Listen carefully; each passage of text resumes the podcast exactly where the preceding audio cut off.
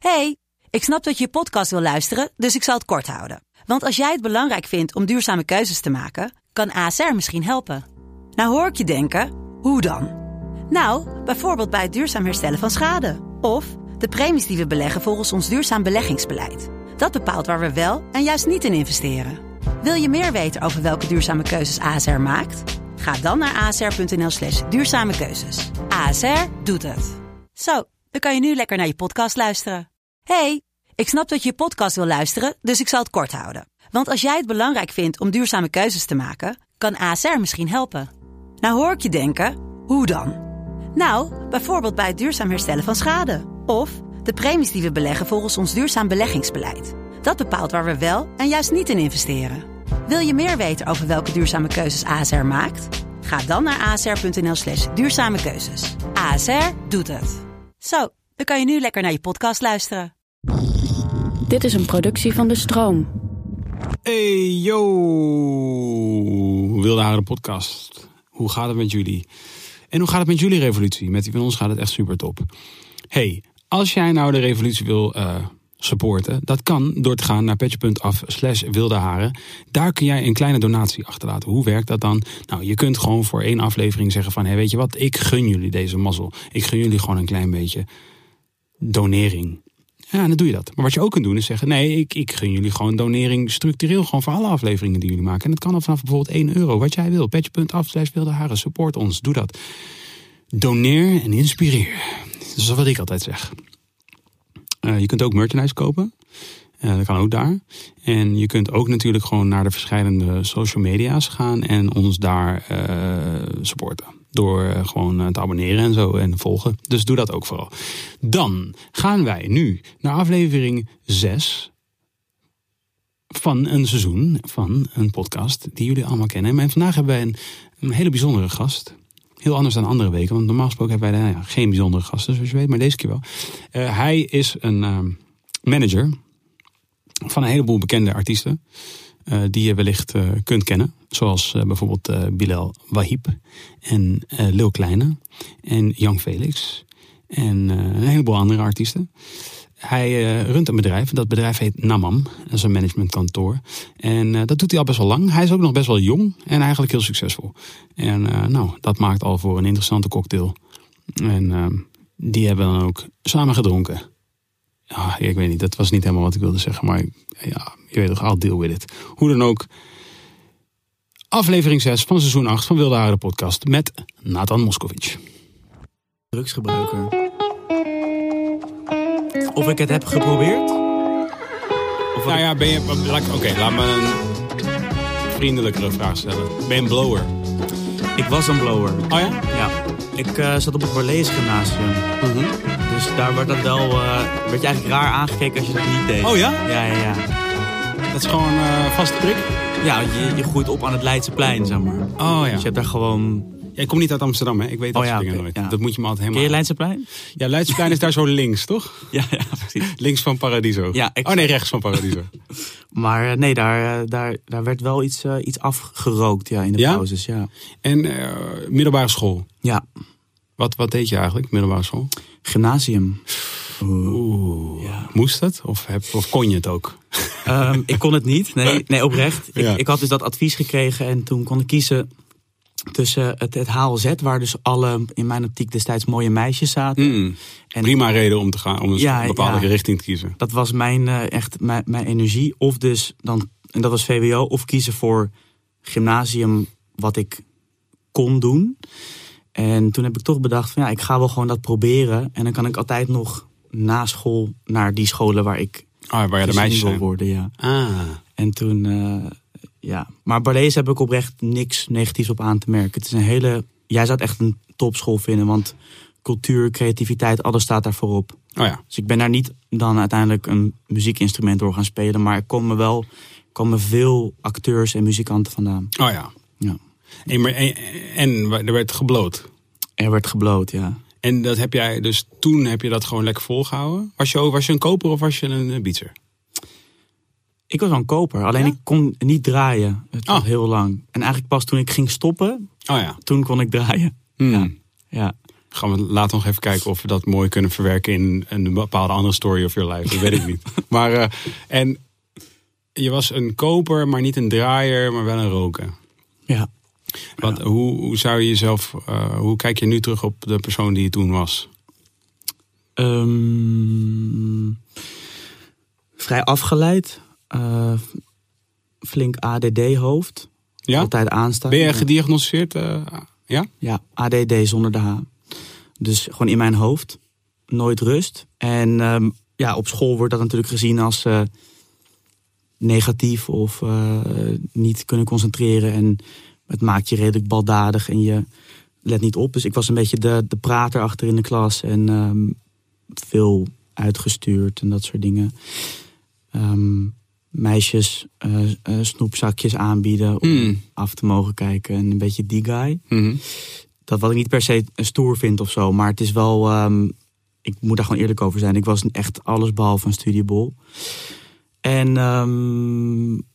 Maar ik heb het wel volgehouden, gek genoeg, eh, zes jaar lang. Dus ik heb het wel gewoon afgemaakt. Dus schijnbaar kon ik toch. Serieus, op, je hebt eh, gewoon je, gymna je hebt gym- gymnasium afgemaakt. Ja. In zes jaar.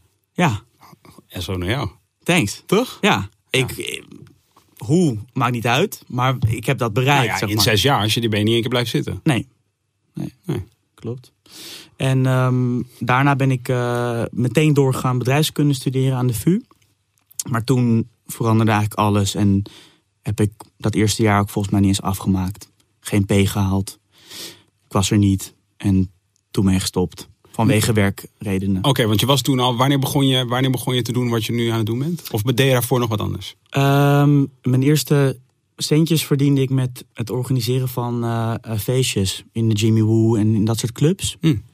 Ehm, en dat zat ik een beetje tijdens de lessen zo te doen via Blackberry pinggroepen en zo. En ehm, Maar mis ik echt man, Blackberry. ja, ik ook. Gewoon die harde knoppen. Ja, Die, dat, dat, dat balletje.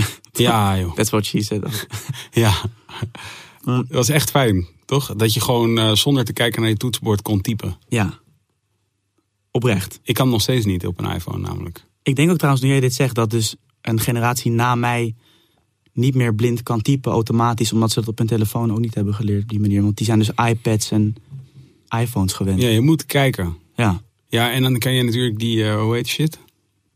Wat je aan kunt zetten dat, dat de woorden voor je gevormd worden. ja memo, spraakmemo, of Nee. eh, dictafoon. Nee, nee, nee, nee. Dat, het, dat je spreekt en het wordt getypt. voor Ja, dat, dat is nog lauwer, maar ik bedoel dat je Oh. gewoon typt en dat de woorden zich vormen. Oh, ja, eh, auto nadenken voor Ah, jou. Ik haat die, hoe heet die shit? Autocorrect. Nee, niet autocorrect. Gek geworden. Iets met cijfers ook. 606, 601, 808. Zo'n soort toetsenbord. Ah, fucking hate it. Ik haat het. Dat ik gewoon iets wil opschrijven en dat er dan ineens staat eh, Ja, dat die paardenhoofd. Ja, ik denk, ja. hè? Nee, dat Ja. is helemaal niet. Ja, of een. Overigens bedacht ik niet paardenhoofd omdat ik naar jou keek, maar achter jou staat een paard. Dat is, eh, toch daarom, ja, nee, niet dat je. Oh ja, kut geverifieerd. Dat is echt zo. Heel Voor de luisteraars, het is werkelijk waar. It's true. Ja. Maar Mm. dat, dat mis ik echt in de Blackberry. Sorry, je was dat aan het doen. Je was feestje aan het organiseren.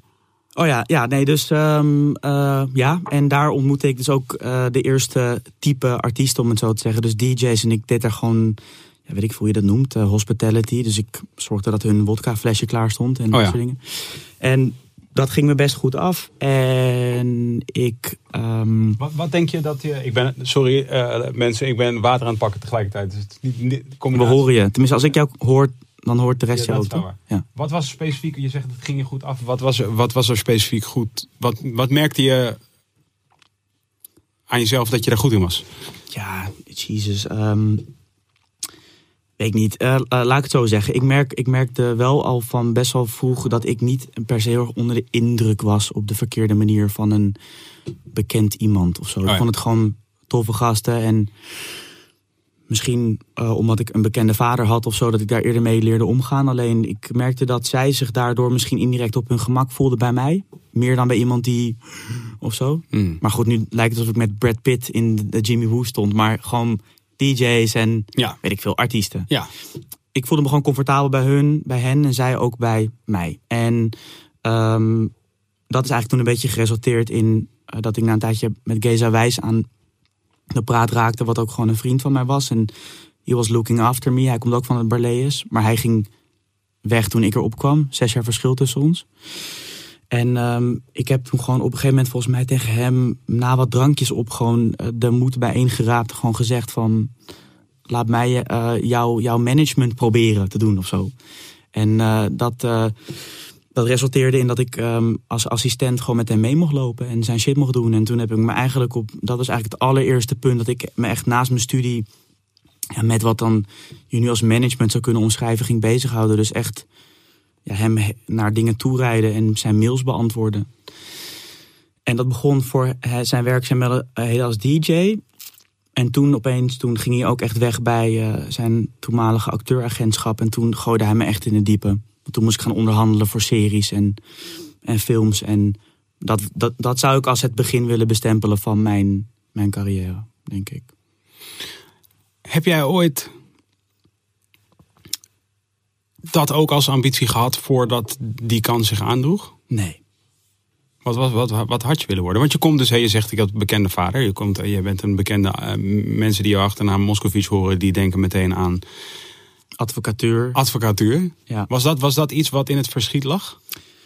Ehm, nee, ik, ik moet er gewoon eerlijk over antwoorden. Want anders zit ik een soort. Ik, ik, ik had helemaal niet per se een ambitie of zo.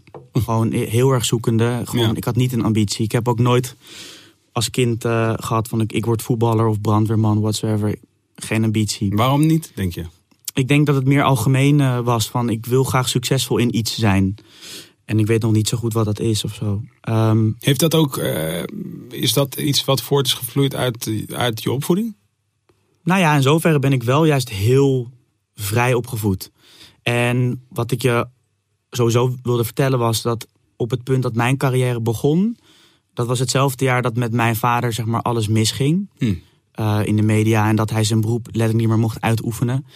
Dus dat ik denk wel ook dat dat heeft meegespeeld dat ik mm, a gewoon eh, ehm, wist van oké, dit ik ga gewoon I won't go this road. Eh, ik ga iets anders doen. En B, dat ik ook gewoon maar aan het werk ben gegaan. Want er moest letterlijk gewoon geld worden verdiend om mijn huur te betalen.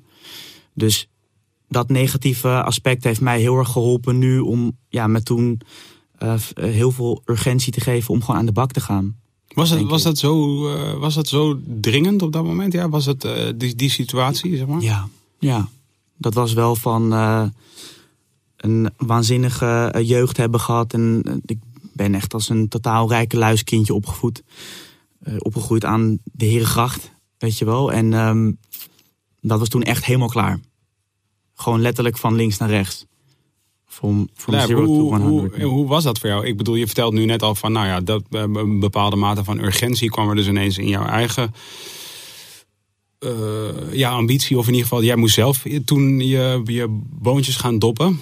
Eh, wat, wat nog meer? Zo, hoe, hoe ervaarde je dat op dat moment? Ehm, ik ging heel erg eh, ehm, handelen uit, uit angst, zeg maar. Dat was gewoon mijn soort brandstof. En dat is het misschien wel nog steeds ook hoor. Probeer daar ook aan, een beetje aan te werken. Alleen, het was, ik ben ook heel blij daarmee, want het heeft mij al, alle pressie gegeven die ik 100% niet had gehad als het alles, als alles nog helemaal perfect en flawless ging. Ja. En, Dus zat je nu waarschijnlijk gewoon te wachten tot de Jimmy weer opging. Als, ja, letterlijk. En dan weet ik niet eens wat ik überhaupt had gedaan of zo. Dus Ja, ja. Het heeft iets bij mij aangewakkerd van je moet. En, eh, dus ik ben heel dankbaar gek genoeg voor het feit dat dat toen is gebeurd. Terwijl ik het mijn vader nooit opnieuw zou wensen. Ja, precies. Maar het heeft mij wel gewoon... eh, ik moest. Ik werd er gewoon een soort symbolisch eh, uitgetrapt. Gewoon het leven ingeduwd. Dus ehm, eh, ja, dat werd toen een beetje mijn, mijn brandstof. Gewoon maar aan de slag gaan en gewoon rennen. En, Je, zegt, je zei nu net van, je ging eh, een beetje gemotiveerd door angst. Door een angst om misschien iets te hebben. Of in ieder geval te verliezen wat je had. Het leven wat je kende.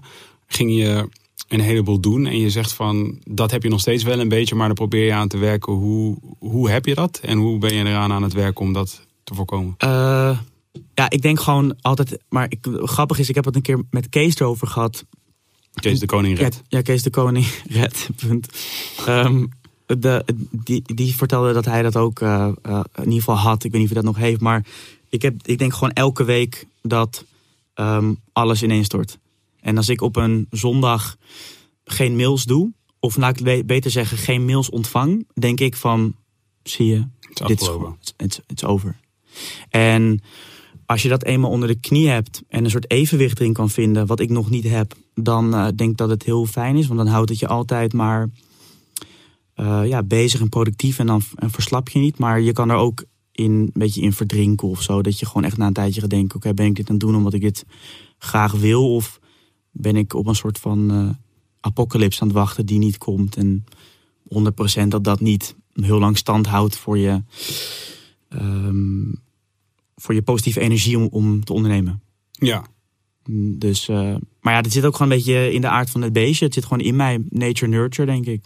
Ja. ja, want is dat bijvoorbeeld ook een kwaliteit die je hebt teruggezien in, bij je vader? Ehm, nee, maar ik weet wel dat mijn vader zich heel erg herkende als ik vroeger aan hem, aan hem al ook over mijn angsten vertelde. Eh, dat hij altijd gewoon eh, zei, dingen zei aan mij daarin op te vrolijken van...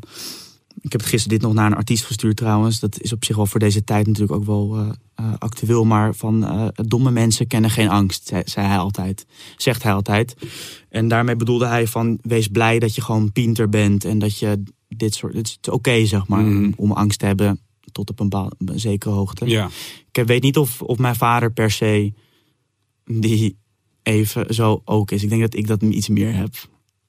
Eh, dat hij zich laat eh, Leiden door motiveren angst. door angst. Ja. Ja. dat- ja. En misschien is het een beetje in je DNA. Ik weet het niet.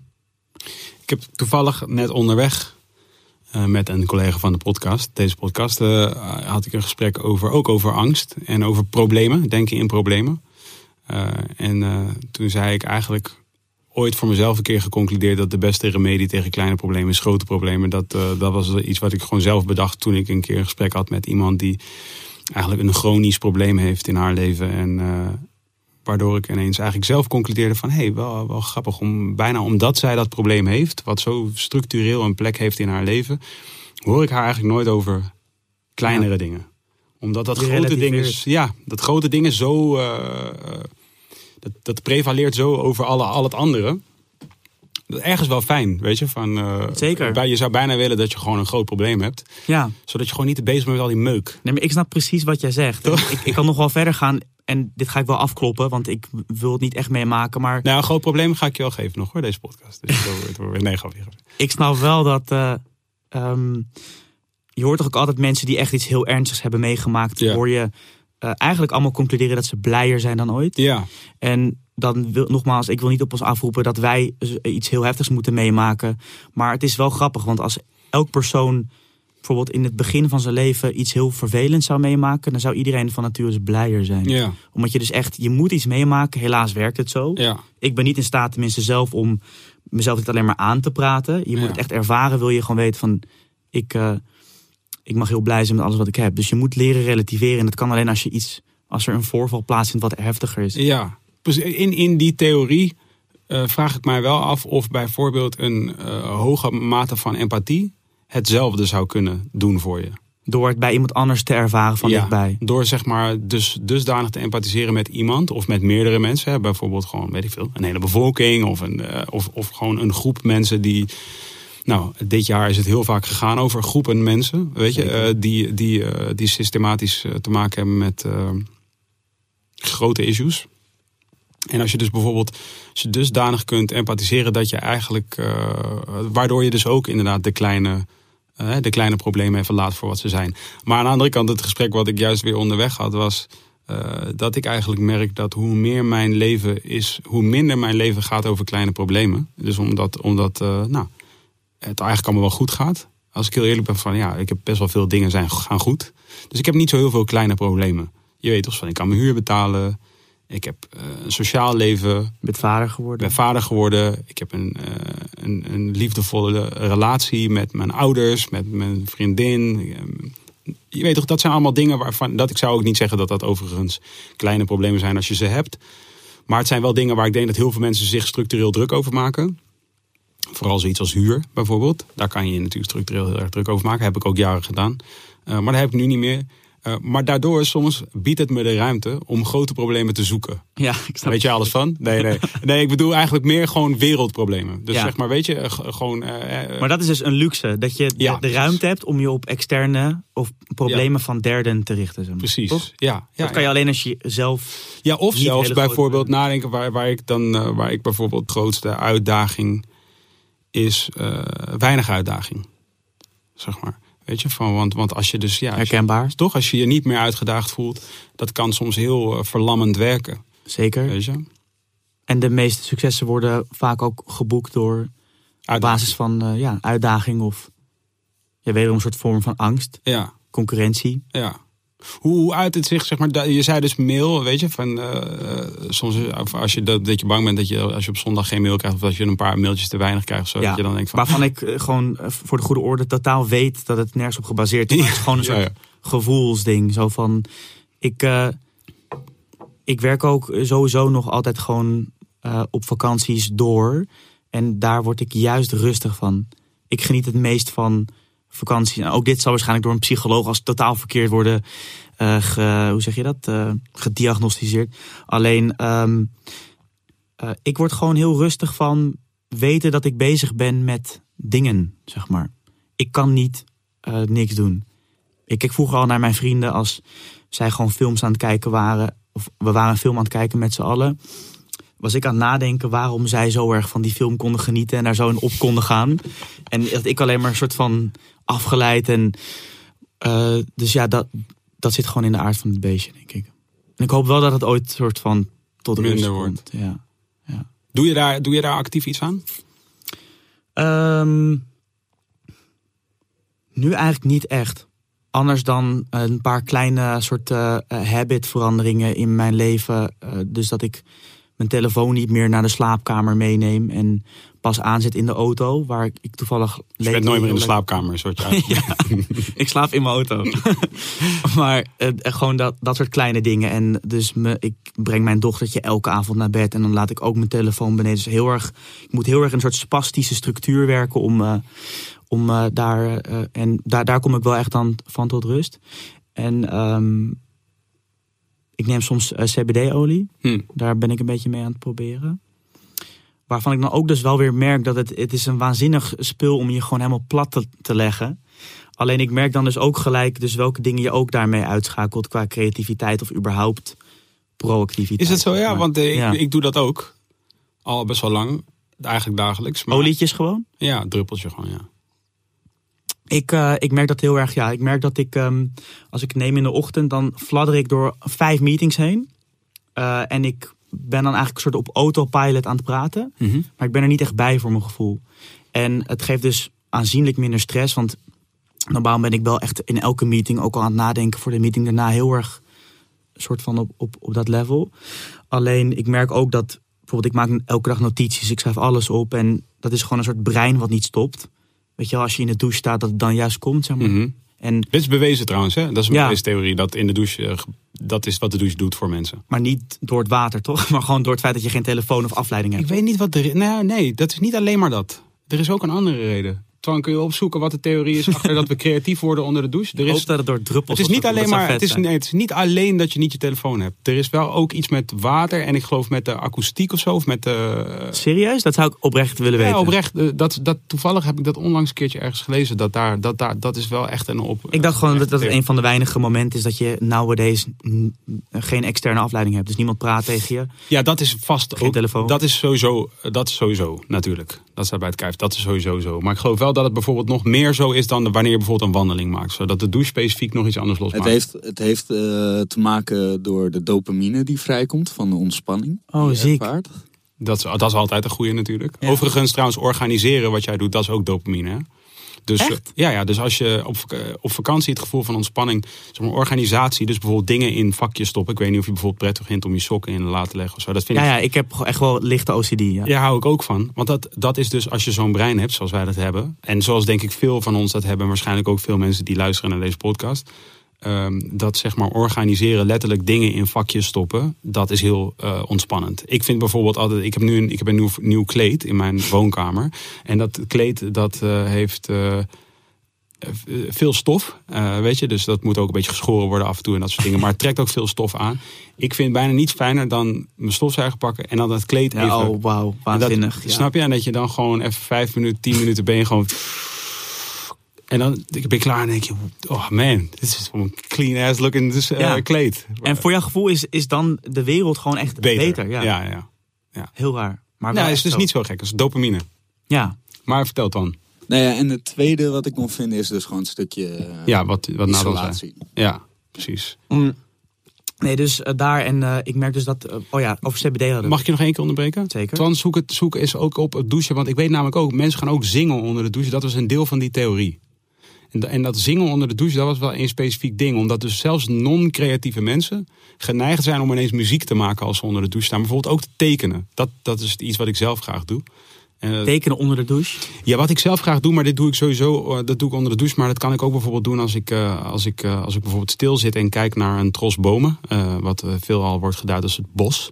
Ehm, is dat, wat, dat ik het dan leuk vind om bijvoorbeeld onder de douche heb je dus dat je cabine kan beslaan. Oh ja, Ja, heb ik nu natuurlijk een gigantische douche. eh, dus ja, mijn cabine beslaat natuurlijk niet meer. En maar marmer vroeger. is sowieso ook ja, eh, vroeger had ik dus eh, ja, ook een kleine douchecabine, net als jullie luisteraars.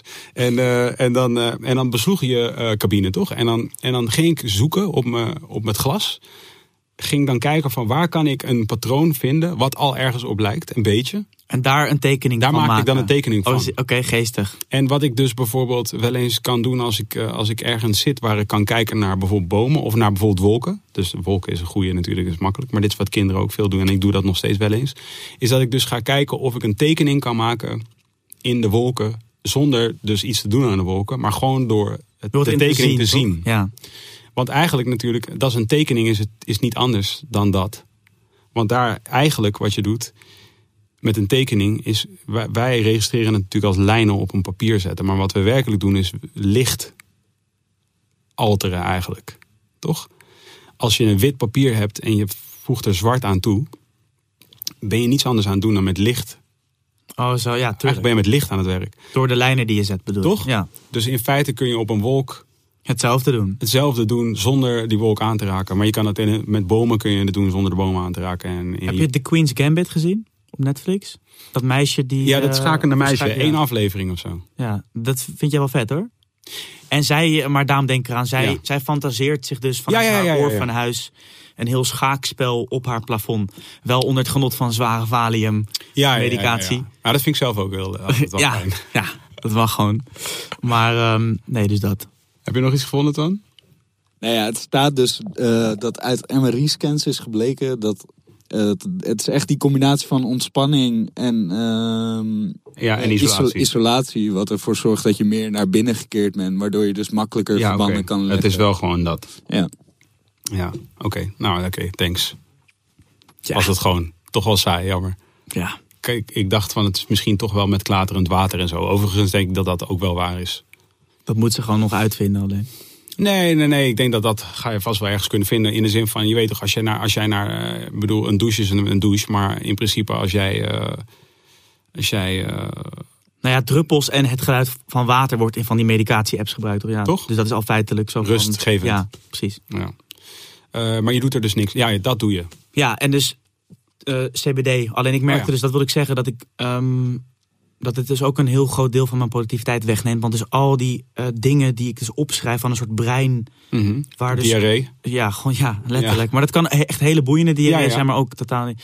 Ehm, dat komt dus niet als ik dus eh, CBD gebruik. Dan ben ik gewoon een, hele rustig, een heel rustig persoon. En dan kan ik ook opeens wel een film kijken. Maar ik vind het fijn dat ik ervoor kan kiezen om dat te zijn soms, zeg maar.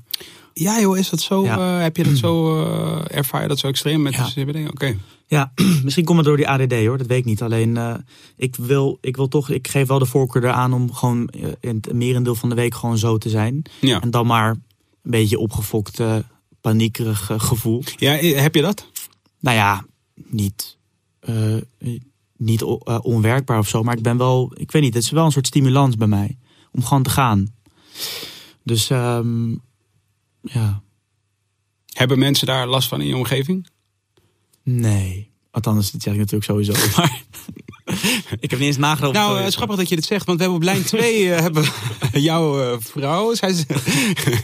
mute, mute. Oh. maar uh, nee, maar het, het, het, is ook niet, het is niet ziekelijk of zo. Alleen het is wel, ik ben er wel gewoon inmiddels achter dat ik dat misschien wel iets meer heb dan, dan gemiddeld of zo. Het is ook gewoon wel, denk ik, een gezonde drijfveer. En ik heb ook artiesten waar ik mee werk, waarvan ik weet dat ze hetzelfde hebben. En ook echt de hele tijd denken dat de wereld vergaat. In, in hun wereld is dat dus dat hun populariteit afneemt. En soms is dat echt zo en soms is dat helemaal niet zo. Maar ik vind het dus helemaal niet zo erg om uh, dat ook bij hun te zien. Ik ben wel blij dat, zij, dat sommigen dat ook hebben. En ik, het enige wat ik hun dan adviseer, dus ook mezelf zou moeten adviseren, is om wel proberen stil te staan wat vaker met wat je bereikt.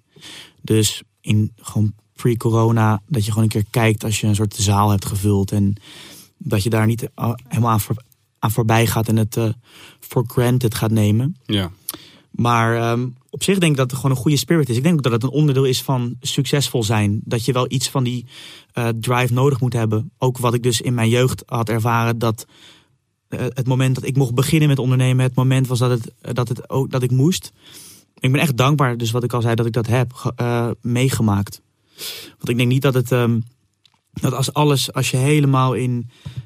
als je de perfecte jeugd hebt gehad en alles wordt je maar aangereikt. En er is, er is um, er is gewoon geld en er zijn nul zorgen.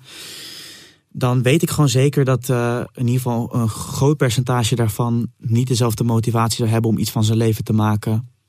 Um, dan iemand die echt wel moet, zeg maar. Ja. Dus ja, daar ben ik wel een soort van dankbaar voor, hoe raar dat klinkt. Hoe, hoe heb je dat eigenlijk heb jij het gevoel dat, uh, want je, je omschreef nu eventjes jouw eigen, uh, toch jouw eigen leven als jong persoon, zeg maar, in de zin van je zei net van ja, je bent eigenlijk als een rijk kindje opgegroeid, uh, Herengracht daar weet ik verder helemaal niks van. In zoverre dat uh, het enige wat ik weet is dat als je in Amsterdam de rondvaartboot pakt, dat mensen dan zeggen dat, dat, uh, dat de uh, gids dan zegt: Dit is de Herengracht, hier, hier, hier leven de advocaten en de, en de bankiers en de dingen, oftewel de criminelen. Zoiets, dat zo'n soort grapje. Ik ben twee keer heb ik die tour genomen, uit twee keer dezelfde grap gemaakt. Het waren twee verschillende gidsen. Dus dat is blijkbaar hun Herengracht grap. En, uh, um, Gedeeld ook, zeg maar. Ze hebben een soort boek wat ze delen met. Volgens mij wel gewoon ja. van: oké, okay, hier maken we die fatwa over advocaten en, en, bankiers en politici. En, um, maar wat je natuurlijk ook veel hoort, is, is dat in dat leven. Uh, bijvoorbeeld een vader of misschien een moeder, de, afhankelijk van wie de, de broodwinner is, misschien allebei. Uh, bijvoorbeeld niet echt er zijn. En dat dat soms een soort van een, uh, je weet toch, het smetje is op, uh, op de opvoeding. Hoe, hoe, was dat bij jou? Um, ja, mijn ouders waren er gewoon. En um, uh, mijn vader was natuurlijk wel gewoon knijterdruk. Mm -hmm. Dus ik herinner me echt nog wel dat hij, weet je wel, zijn telefoon moest opnemen tijdens het eten. Tot de overmaat van frustratie vanuit mijn mama en dat soort dingen. Nou ja, dat heb ik nu zelf ook. Um, ik denk niet dat je dat een slechte vader maakt. En uh, in de tijd die hij had, want in mijn geval was het dus mijn vader die dus uh, de kostwinnaar was. Um, ja, uh, heeft hij echt wel gewoon echt zijn uiterste best gedaan om gewoon genoeg tijd te besteden aan, aan ons. Um, dus um, nee, dat, dat is bij, bij mij niet zo geweest. Precies, en dus dat is ook niet een, iets waar jij je nu al te veel zorgen over maakt. Als in, je hebt eigenlijk een goed voorbeeld gehad wat dat betreft. Een druk, ja. Ja. Een druk bezette vader, uh, wat je nu zelf ook bent. En dus je hebt ook niet het idee van ik moet daar iets heel anders in doen dan hoe het eigenlijk uh, bij mij is gegaan. Nee, maar wel uh, gewoon vanuit mezelf ben ik daar wel heel erg mee bezig. Want ik word dan wel angstig van de gedachte dat ik te weinig tijd zou uh, spenderen aan uh, het, uh, het zien opgroeien van mijn dochtertje of zo. Die angsten zijn er wel. Ja. En wederom daaruit ontstaan juist van die structuren dat ik haar elke dag naar bed wil brengen per se. En dat dat is ons momentje. En ja. dus, en nogmaals, wederom hieruit, ja, ik, ik kan niet anders dan vaststellen dat het mij juist helpt, die soort angstige gedachten, om daar mooie oplossingen voor te verzinnen. Um, dus ook hier zo van ja, oké, okay, uh, weet je wel, straks ben jij opeens die vader en dan vergeef je het jezelf nooit meer dat je terugkijkt en je hebt gewoon de eerste vijf jaar van jouw dochtertje in mijn geval uh, misgelopen. Nou, dat zou ik nooit willen meemaken. Kortom, hoe gaan we dat doen? Nou, dan ga ik gewoon praktisch nadenken. Zo van, dit wordt Ja, de structuur. liever ja. niet zo'n manager. Ja, ja oké, ja. Nou, misschien wel. Toch? Ja, gewoon echt gewoon eh, op, op die manier. Met een plan. Ja. Ja. Hoe doe je dat met ehm, een groeiend bedrijf? Waar jij, kan ik me voorstellen, tegen dezelfde problemen aanloopt. Hè? Je hebt daar, eh, ik zou dat niet je kinderen willen noemen, maar je hebt daar wel mensen waar je zorg voor draagt. Mensen die ook, denk ik, jou zien als de, de persoon om het te doen. Er werken natuurlijk meerdere mensen bij jou. Ja, Eh, maar ik kan me voorstellen dat jij voor veel van hen toch de persoon bent die het moet doen. Die de telefoon moet opnemen of die de belangrijke beslissing moet maken. Of en misschien ook soms de onbelangrijke beslissing moet maken. Hoe, hoe ga je daarmee om? Ehm, ja, ik moet zeggen, ik, heb echt heel lang moeten zoeken naar eh, daar gewoon een goede eh, structuur in vinden. Al is het maar omdat ik gewoon dit random ben begonnen, niet wetende dat ik dit wilde gaan doen met gewoon eh, een laptop en een telefoon. En dat ik pas toen het echt een probleem werd, erachter kwam van mm, je moet wel mm, een extra iemand hebben naast jezelf. En oké, daar heb je dus een kantoor voor nodig. Dat is heel spastisch geleerd. Eh, ehm, echt gewoon eh, door de, wederom de fouten te maken en daar oplossingen uit proberen te vinden. En ehm, dan kom je op een gegeven moment op een eh, punt terecht dat je dus wel een team om je heen hebt waar je heel dankbaar voor bent. Maar dat je dus merkt dat de artiesten niet echt ehm, daarmee goed mee om nog kunnen gaan. Omdat ze zijn ge- eh, gewend zijn echt alleen met jou te schakelen. En ik durf nu al echt te zeggen dat het een eh, structuur is waar ik echt jarenlang naartoe heb gewerkt. Die wel echt werkt. Namelijk dat ik een waanzinnig team heb die eh, ehm, eh, elke dag keihard werken, even hard als ik zelf doe, voor onze talenten. Maar dat het gewoon heel duidelijk is per eilandje wie zich waarom bekommert. En eigenlijk een hele vergelijkbare structuur als bij jullie, als bij Top Notch Noah's Ark. Namelijk gewoon wat bij jullie soort project managers heet, heet dan bij mij gewoon artist managers. En er zijn gewoon bepaalde dingen zoals grote deals en andere misschien eh, eh, meer privé gerelateerde dingen omtrent een artiest die ik gewoon altijd zelf zou blijven doen. Maar omdat er honderdduizend even belangrijke dingen zijn die mijn team ook op kunnen pakken voor artiesten, heb ik eigenlijk meer ruimte dan ooit daarvoor. Voor die echt belangrijke dingen die alleen ik wil blijven doen, Mhm. dan een paar jaar geleden. Ja. Dus het is een soort. Ja, dit, het, eh, deze structuur klopt gewoon in mijn hoofd. En ik merk dat de artiesten het fijn vinden. Wat het belangrijkste is. Ja. Dat is de hele brandstof. Dus ehm, ik hou me eigenlijk gewoon elke dag bezig met alle dingen waarvan ik eh, vind eh, dat ik ze moet doen. Of, dat ik, of die ik wil doen als neuroot. En ehm, alle overige dingen zijn gewoon overleg. En we hebben gewoon een soort structuur met terugkerende meetings en teammeetings. En zo blijf ik op de hoogte van ook de kleinere dingen. En ik denk dat ik daar vooral nog veel in kan leren om gewoon dingen los te laten. Wat ook herkenbaar is Wat- wat- bij Kees en bij jou. Maar eh, nou, gewoon, ik, wil- ik wil me in principe nog, eh, als ze me te veel vrijlaten, met alles bemoeien, zeg maar. Oh ja. Eh, wat heet totaal niet ehm, in de best interest eh, van hun of van de artiesten is. Het is gewoon puur mijn eh, neurose. Ehm, maar ik merk ja, stukje bij beetje, ook omdat het team gewoon steeds beter wordt en zo, dat ik dat wel een beetje durf los te laten. En ehm, Ik, Oh ja, ik ik dacht dat dat het zijn er, maar het is gewoon is slapend. no offense. begrijpelijk. begrijpelijk. het is ook wel laat. Stan, wil je alsjeblieft je armen niet zomaar in de lucht steken? Oké, ik begrijp dat je misschien gewoon je favoriete hippelpokkers aan het luisteren bent... terwijl wij hier een podcast aan het maken zijn. Maar ik bedoel, om ze dan echt van links naar rechts te zwaaien... Het is ook oog te ziek alarmerend vanuit. Ja, je weet toch, ik dacht, wat staat iets in de fik of zo. maar, ehm, eh, want, want je- want jij vertelde net, je begon met Gees en Wijs. Hoeveel, hoeveel, hoeveel, talenten, hoeveel talenten hebben je nu, eh, werken jullie nu voor? Ehm, ehm, weet ik niet uit mijn hoofd. Maar ik zou zeggen, als je van echt hele beginnende talentjes tot aan de, de, de, de big boys eh, dat op, optelt, eh, iets van 25 tot 30 of zo. En hoeveel mensen, en hoeveel mensen werken er in totaal in het team? Ehm, ik denk als je mij wegdenkt, 9, zoiets. Ja. Ja. En dat Dus- zijn dan voornamelijk eh, artist managers. En ehm, we hebben ook een in-house A&R, wat niet per se nodig is voor een, eh, eh, voor management. Alleen wel fijn. En ehm, verder gewoon heel veel freelancers. Van graphic designers tot aan, nou goed, you know the Ja. drill. Ja, heel ja. vergelijkbaar. Ja. Wat is, wat is de, de, uit, de grootste uitdaging waar, hè, waar jij dagelijks voor staat waar mensen geen weet van hebben. Hoe bedoel je dat? Wat maakt jouw werk... Waarom ben jij er goed in eigenlijk, is wat ik vraag. Dus want wat, wat is het dat jij specifiek goed kunt? Of dat eh, jullie als bedrijf goed kunnen? eh, wat, ja, wat, wat mensen misschien niet zien. Dat dat ook een, een groot deel van het werk is. Ja, ik vind het altijd heel moeilijk om te beantwoorden, omdat ik oprecht zelf niet zo heel goed weet wat nou hetgene is wat dan, zeg maar, want ik, m- mij, ik, ik ehm, hoe zeg je dat? Op basis van reacties van de artiesten, dat is mijn soort Ja. seintje of, of, Ja, ja. of ik iets goed doe, toch? Mhm. Of wij iets goed doen. En eh, dus ik, ik weet nooit zo goed wat het dan precies is, maar ik denk in die, weet ik veel hoe lang, eh, in die zeven jaar dat, dat ik nu, dit nu doe, denk ik in ieder geval dat een manager moet voldoen aan ehm, een aantal eisen. En dat is denk ik in de basis, obviously, eh, gewoon kunnen onderhandelen, deals kunnen maken. Ehm, een beetje de rechter hersenhelft kunnen zijn van een artiest. Dus waarbij een eh, artiest ehm, natuurlijk in de basis creatief is, vind ik, zijn wij best wel authentiek. Tenminste, ik in hoe ik dat dan doe. Dat wij gewoon vooral zakelijk willen zijn.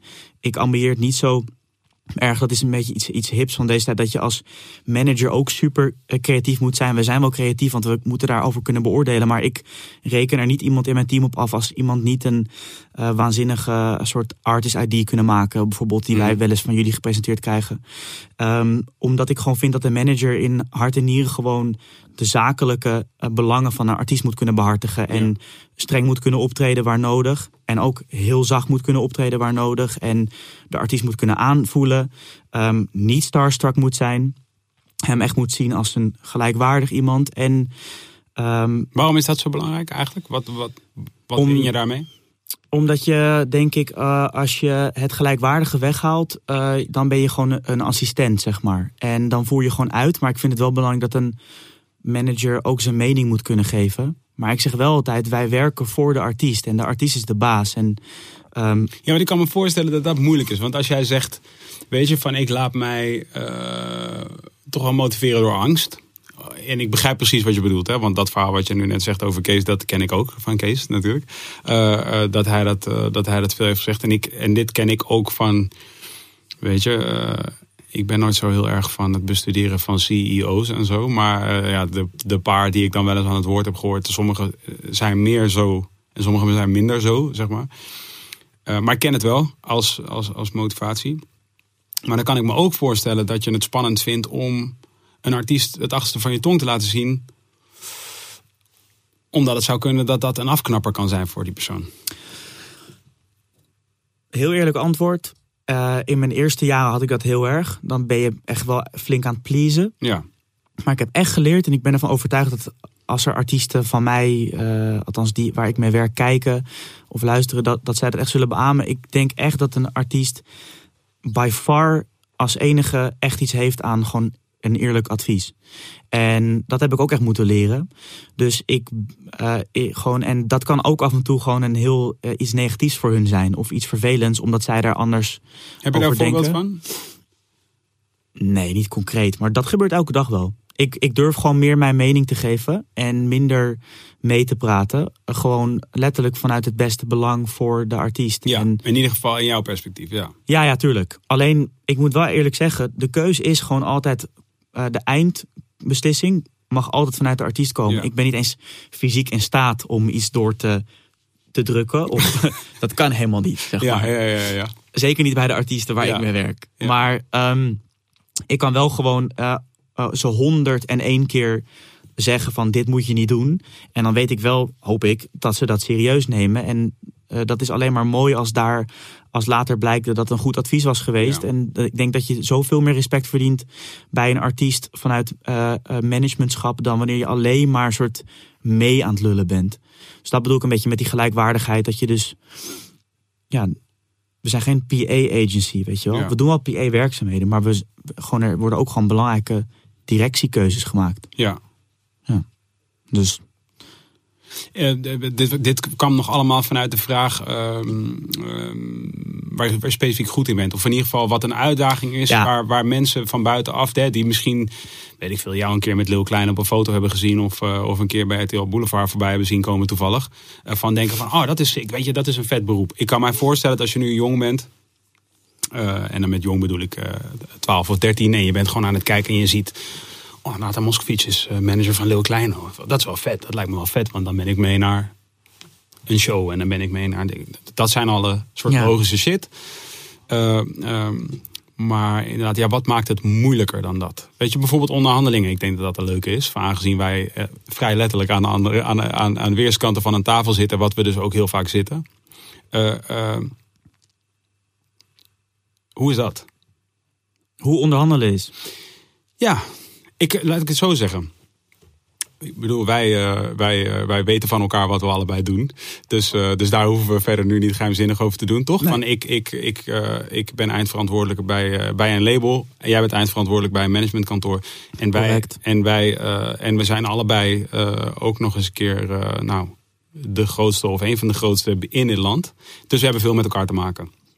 Ook- Dank je wel daarvoor trouwens. Ook in onderhandelingen. Wat, waarvoor? Dat je ons een van de grootste... Oh ja, Als je dat tenminste bedoelt op basis van kwaliteit ook. En, Ja, Dat nou ja, kwantiteit. ik- allebei, toch? Ik denk dat op dit moment jullie vertegenwoordigen, denk ik, een groot, ja, best wel groot deel van een markt. En, eh, en, eh, en eh, dat gaat ook goed.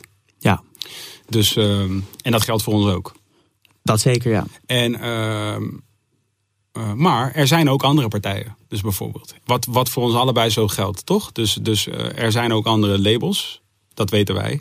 En jij weet, er zijn ook andere managementkantoren. Ja. Ehm, bijvoorbeeld. Die dynamiek, zeg maar. En dat schaakspel, want dat is het, toch? Eh, hoe zit je daarin? Zeg maar, wat, wat, wat denk jij daarover? En je, ik begrijp dat het om meerdere redenen heel ingewikkeld is om deze vraag te beantwoorden. Maar het lijkt me toch leuk om dat te onderzoeken. En ik denk dat het ook leuk is voor mensen om naar te luisteren. Dat wij dat Ja, aan bespreken zijn. Ja. Ik bedoel, en dan kunnen we, we kunnen gewoon even kijken welke stukken we werkelijk nu gaan zetten. En welke we zetten, Ja. zoals dat meisje in die serie. ja, maar ik, eh, ik vind je vraag wel moeilijk te Ja, beantwoorden. weet ik. Maar- Sorry, story of my life. Ja, maar van, als jij bedoelt van hoe ik dat ervaar of zo. Ik, Ja. ik, ik vind dat een heel leuk onderdeel van mijn werk. En het beantwoordt misschien gelijk ook een andere vraag van jou van daarnet. Dat als ik het niet op, mijn, op het bedrijf betrek, maar op mezelf. Denk ik dat als iemand zou vragen wat zijn nou jouw eh, sterke punten. Mhm. Nou, nogmaals is het niet eh, dat ik de beste inzichten heb qua creatiedingen. Daar, nogmaals, dat, dat besteed ik liever uit. Maar ik denk wel dat ik gewoon goed deals kan maken en kan onderhandelen.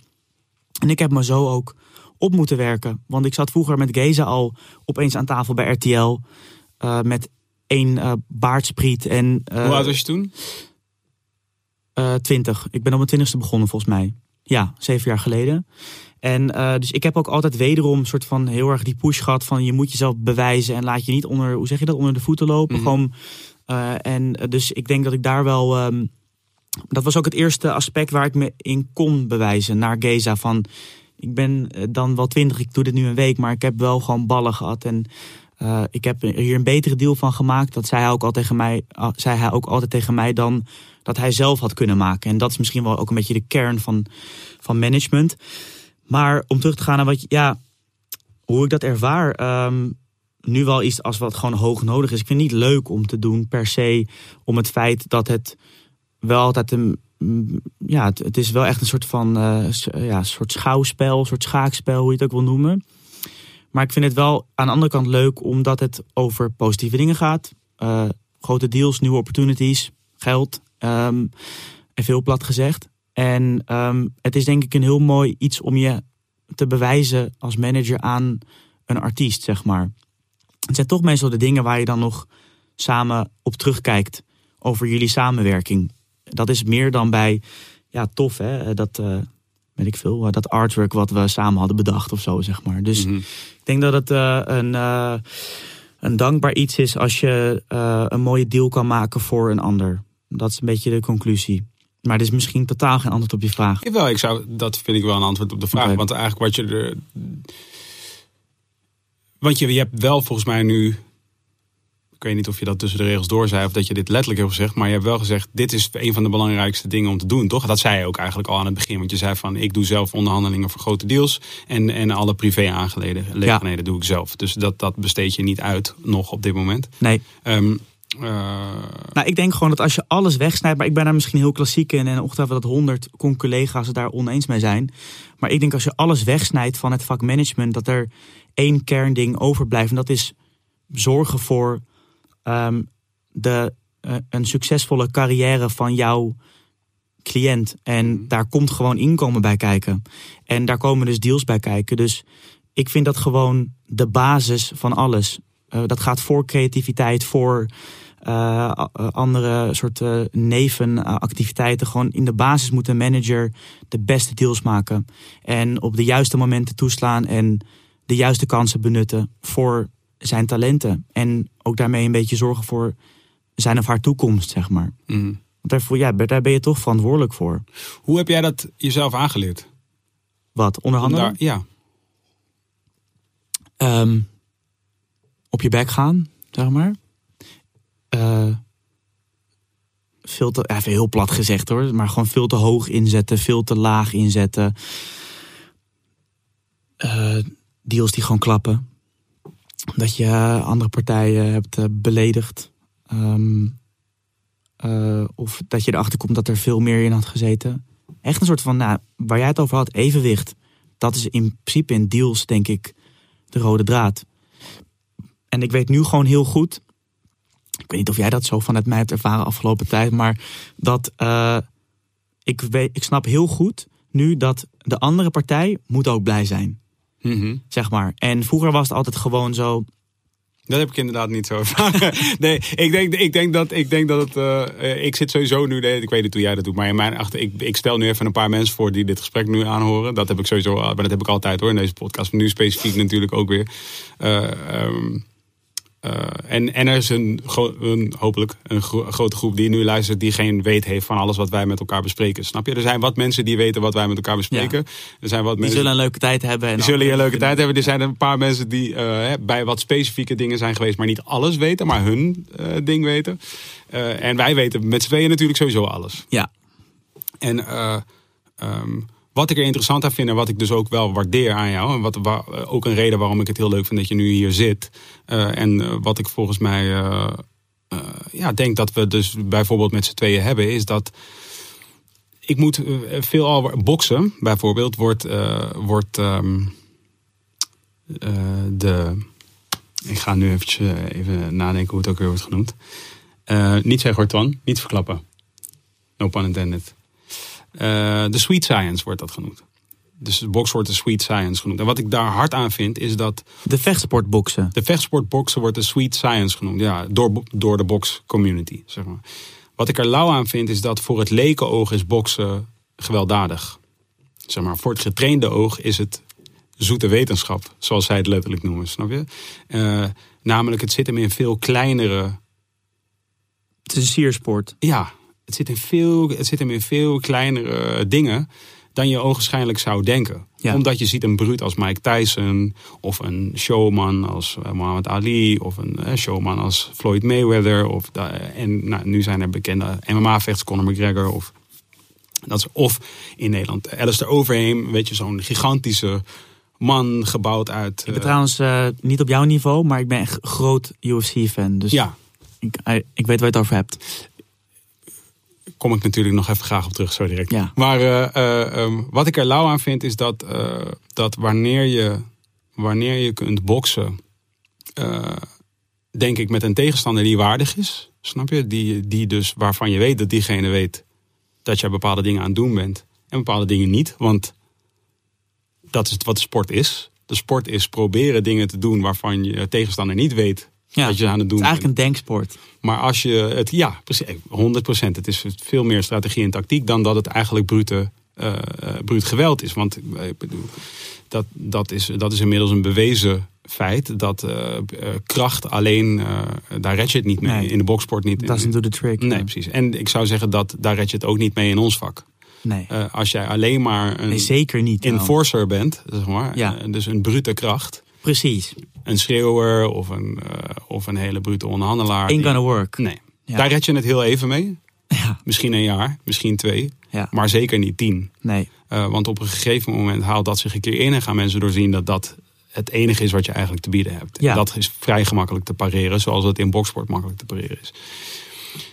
Dus eh, zonder per se te veel in depth te treden over wat het is dan wat wij doen. Of laat ik het zo zeggen, we, we hebben, nou, dit jaar was bijvoorbeeld best wel een tumultueus jaar in onze relatie, toch? Ja. Eh, maar al met al waardeer ik het, zei ik vanmiddag ook nog tegen iemand, dat jij hier dus nu bijvoorbeeld zit. Omdat ik dat zie als een deel van, eh, laat ik zeggen, het respect wat we hebben onderling in, in, ja, in de wedstrijden die we boksen. Ja, maar net zoals dit. Wordt, nu- ik, ik, ik voel mezelf niet Mohammed Ali, maar net, net zoals dat, dat boksers ehm, voor de wedstrijd, eh, weet je wel, eh, ehm, elkaar eh, in de, haren handschoen- vliegen. Ja. Oh ja, ja. Ja, en, en, en, en echt verbaal helemaal het, het leven zuur maken. Daarnaast altijd dat respect, toch? Zeg Ja. maar, ook in de kooi, in de octagon. En eh, ehm, ik hoop dat jij dat ook zo ervaart, maar dat weet ik ook gewoon voor een feit. Alleen zo'n onderhandeling, of dat nou noodgedwongen heel vervelend gaat, of, en of je het nou verliest of, of wint.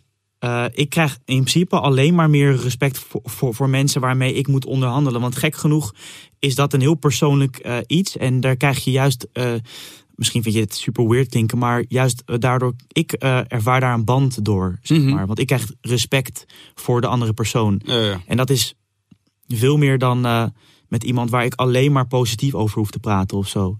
En ehm los van dat ik me heel vereerd voel om hier te mogen zijn, ehm, ja, vind ik ook gewoon dat. eh, dat, dat respect moet, moet daar gewoon eh, eh, altijd zijn. En voor hetzelfde geld krijgen we in be- begin januari weer een soort ding. Of zo. Waarschijnlijk. Ik zou het leuk vinden. Nee, ik denk, ik denk van niet. Ik denk dat we heel snel. Oké, oké, oké, cool, cool. Waar hebben we het nu over? Welke deal hebben we het nu? Geen idee. Oké, cool. Maar ehm, eh, dat We voelt hebben er net eentje goed. rond, toch? Het voelt ja, Ja, gefeliciteerd. Ja. ja, jij ook. thanks. Ja, dat is eh, ja. Ja, ik, Maar nee, in ieder geval dus- Ja. Ik weet eigenlijk niet zo goed wat, wat ik tegen je wilde zeggen, maar ik. ehm, Nee, ik, wa- wat jij volgens mij aan het zeggen was, wat ik, wat, ik, eh, wat ik inderdaad ook zo zie, is gewoon van. Er is, er is dus een groeiend respect dat eigenlijk hoe meer je, hoe meer je met elkaar te maken krijgt.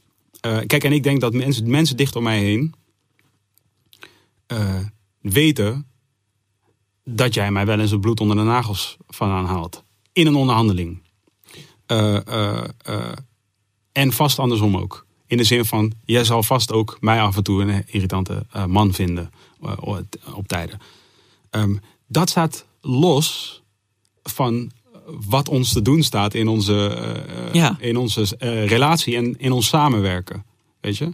En dat is iets waarvan ik, en eigenlijk toen ik je toen straks vroeg van wat zien mensen niet aan wat jij doet, wat een belangrijk component is aan wat jij doet. Nou, ik denk dat, dat je het, het de, de boeman zijn wel in principe. Zeg Ja, maar. toch? En dat, Ja. je, dat je dus een. eh, een, eh, een ehm, dat er, soort, er zijn niveaus in, eh, in, in, in het werk wat je aan het doen bent en met wie je dat aan het doen bent. Eh, dat, geldt voor, zo- dat geldt voor zowel, eh, laat ik zeggen, externe, of eh, derde, of, of, of bijvoorbeeld, wij, wij zijn niet op papier, doen wij, wij geen enkele samenwerking. Er is geen, er is geen contract waar jou en mijn handtekening onder staat, bestaat niet. Nee, maar we werken heel veel samen. precies. Weet je, en, ehm, eh, maar ik werk ook samen met artiesten. Wij hebben dan wel contracten waar handtekeningen op staan, weet je wel.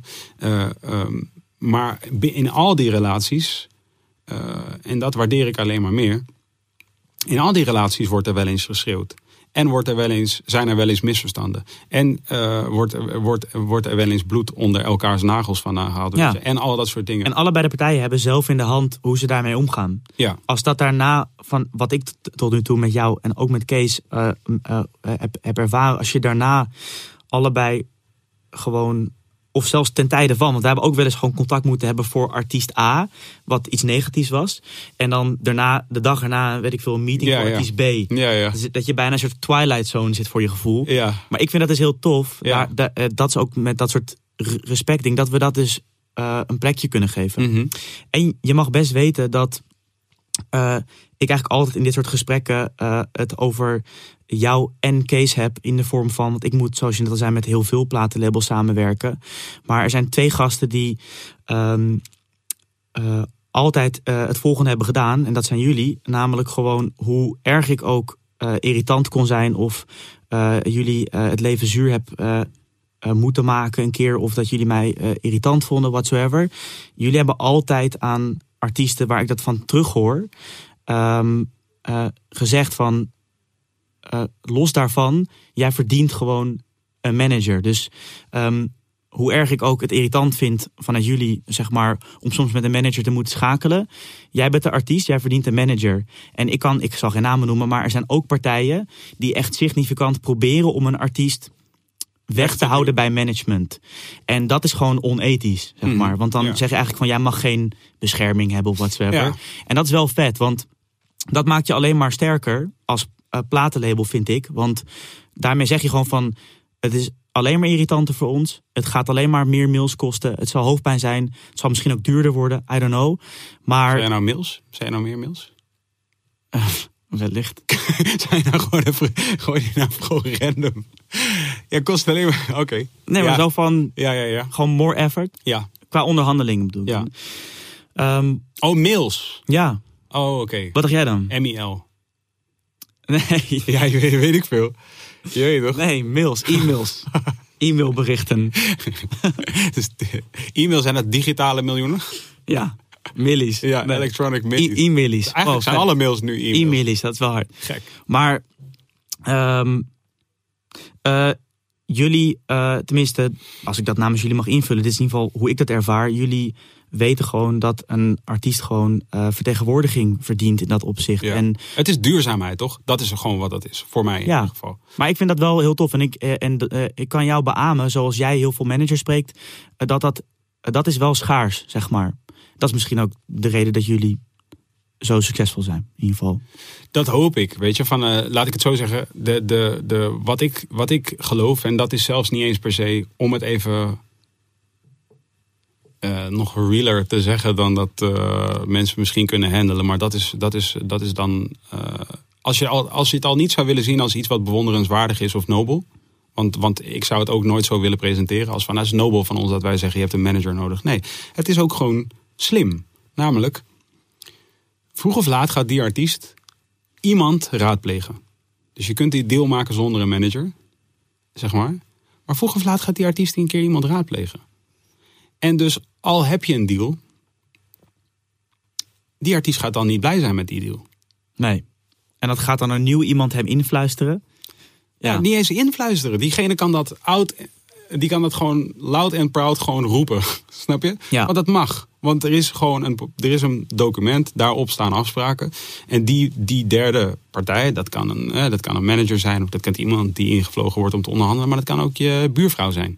Die dat ding onder ogen komt en dan gewoon ziet van ja, dat deugt niet. Weet je? Of in ieder geval, ik vind dat dit niet deugt. Weet je, van wat of het wel. Ik, ik zou zeggen dat wij sowieso. Politiek correct geantwoord. wij maken sowieso geen deals die niet deugen per definitie. Laat ik het zo zeggen. Alle deals waar ik mijn handtekening onder heb staan, deugen in mijn optiek. Qua menselijkheid bedoel je? Ja, ja, ja. Die deugen, die deugen. En zeg maar, vervolgens kun je wel altijd zeggen van, ik vind niet, ik vind niet dat het... Het is niet meer reëel op basis van... Dat zou je kunnen zeggen. Ja. Of het Maar dat is ook wel een beetje-. Maar dat, dat is wel interessant, want dat is juist ehm, het hele spelletje.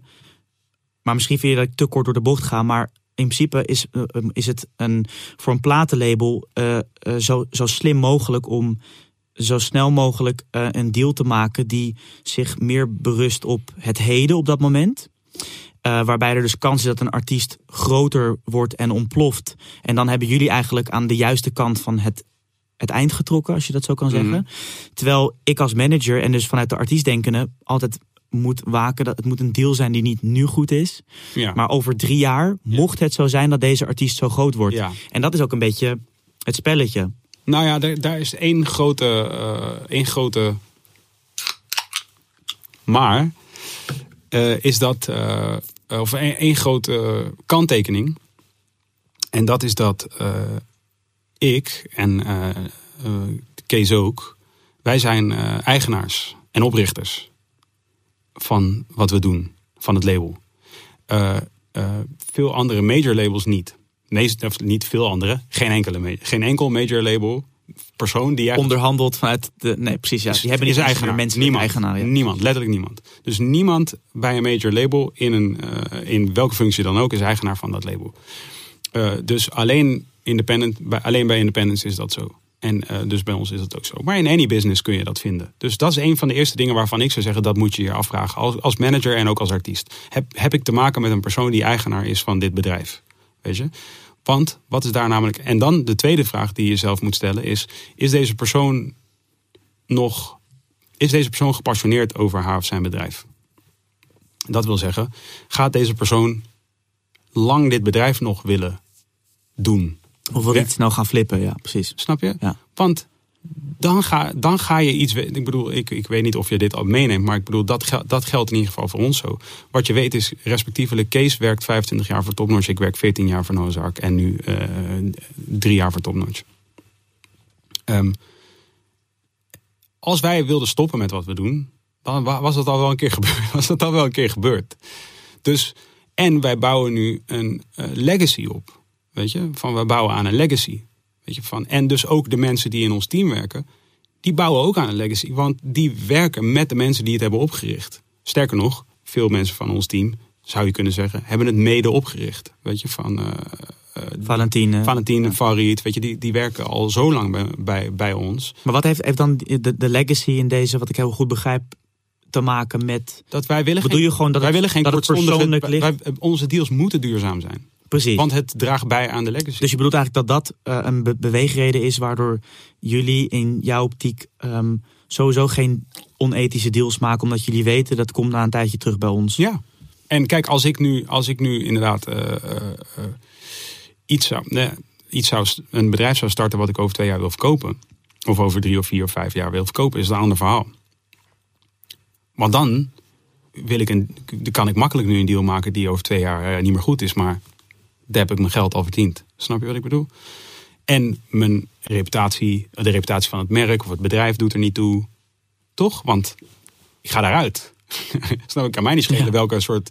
Jij bent waarschijnlijk al weg wanneer het. Snap je het welke investeerder ooit daar een keer mee moet Ja. dealen? Dat kan mij Ja. dan nu niet schelen. Snap je wat ik bedoel? Maar dit is Dit nog is- dit is Ik heb het logo op mijn arm en die komt er niet meer af. Snap je? Dat is wat het is. Dus ik, ik, ik moet staan voor wat, waar dit voor staat. Dus ik, dus ik, ik eh, tenminste, dat mag je bij mij aannemen meer dan dat je het mag aannemen van iemand bij een major label in zoverre. Maar het ding is dat we niet in een eh, industrie leven wa- waarbij er een soort kader is of een, eh, een soort overheidsingesteld geraamte waar een deal minimaal en maximaal aan mag voldoen. Dus het blijft een perceptieding. Het blijft iets waarvan jullie vinden dat dit rechtvaardig is om nu aan te bieden aan een artiest op dit punt in zijn carrière. Wat ik heel goed begrijp, want ik kan me heel goed in de ander verplaatsen in deze. Alleen dat kan natuurlijk. Dat, dat staat wel vaak loodrecht met wat een manager er voor een artiest uit wil halen. Want die wil juist zorgen dat het een deal is die ook eh, eh, aan het eind van die deal, of het nou over een aantal jaar gaat of whatsoever, nog even goed is. Of je zou al op voorhand een deal moeten maken waarvan, waarvan je weet, die moeten we gaan openbreken, zeg maar. Dus Ja. dat, dat maakt het lastig. Ja, het ligt er denk ik aan. Het ligt er toch aan, wil die artiest, hoe ziet die artiest er zelf in? Wil die artiest een, eh, een lange carrière? Of wil die artiest nu muziek proberen? Of doen? eh, om er eigenlijk weer over een tijdje mee te stoppen. Of om wellicht iets anders te gaan doen. En dat, dat is een vraag die ik mijzelf stel als ik ga werken met een artiest. Dat is een vraag die ik de artiest stel als ik ga werken met een artiest. Letterlijk. Ik heb dit gevraagd aan artiesten van jou, snap je? Recentelijk nog. Van, wil jij dit lang doen? En niet omdat... eh, het is niet dat ik dan een andere deal ga maken of zo. Alleen ik moet gewoon weten... Zijn wij hier nu, zijn wij nu met z'n tweeën aan iets aan het bouwen... waarover we elkaar over tien jaar de hand kunnen schudden... en kunnen terugkijken en zeggen van... hé, hey, sick, dat hebben we gedaan. En jij en ik ook dus. Eh, of, of wil jij gewoon in en uit? Snap je wat ik bedoel? Ben je hier nu omdat het werkt? Weet je, wat gelukkig dit jaar weer eh, in ieder geval minder aan de hand is dan, dan twee jaar geleden, laat ik het zo zeggen. Maar dat is voor mij wel een factor. Ja, ik wil wel weten wat, waar ik mee te maken heb. Niet in het laatste geval, omdat ik heel trots ben en, en ook heel blij ben dat eh, in het label waar, wat ik opgericht heb, het deel, het deel van de TNNA, eh, het TNNA ehm, overkoepelende bedrijf wat, we, wat, wat er nu is, de NA daarvan, eh, eh, ehm, is dat veel mensen met wie we daar werken, werken we al heel lang mee. En dat is wat mij betreft een soort van mijn belangrijkste onderpand. Eigenlijk. Zo letterlijk wat ik zeg tegen artiesten als ik met ze praat. Van, luister, neem niet mijn woord voor het. Bel met hef. Of bel met eh, kraantje. Ja. Want, want die heeft in principe, hij heeft geen steek in deze company. Maar hij heeft wel eh, bouwstenen gelegd. Weet je? Dus hij kan, jou een, hij kan jou iets vertellen en jij weet dat hij daar geen, daar heeft hij geen profijt van. Om jou de waarheid te vertellen over mij. Nee, maar het is het hem ook niet waard om, advocaat van de duivel, om eh, zich heel negatief uit te gaan laten, zeg maar, erover. Nou, denk je niet dat je een artiest kunt vinden die negatief over een label zich wel over Niet de namen die jij zou adviseren om te checken. Nee, omdat ze er al zo Omdat je daar gewoon een band mee hebt. Ja, maar dat Ja. Is, ze zijn er ook al zo lang, Ja. toch? Dus dat bedoel ik, dat is mijn onderpand. Omdat ze van, Oh, je bedoelt van, zij, zij zijn hier. Ja. En zij zijn nog steeds goed met ons. Eh, kortom, zij zijn een goede...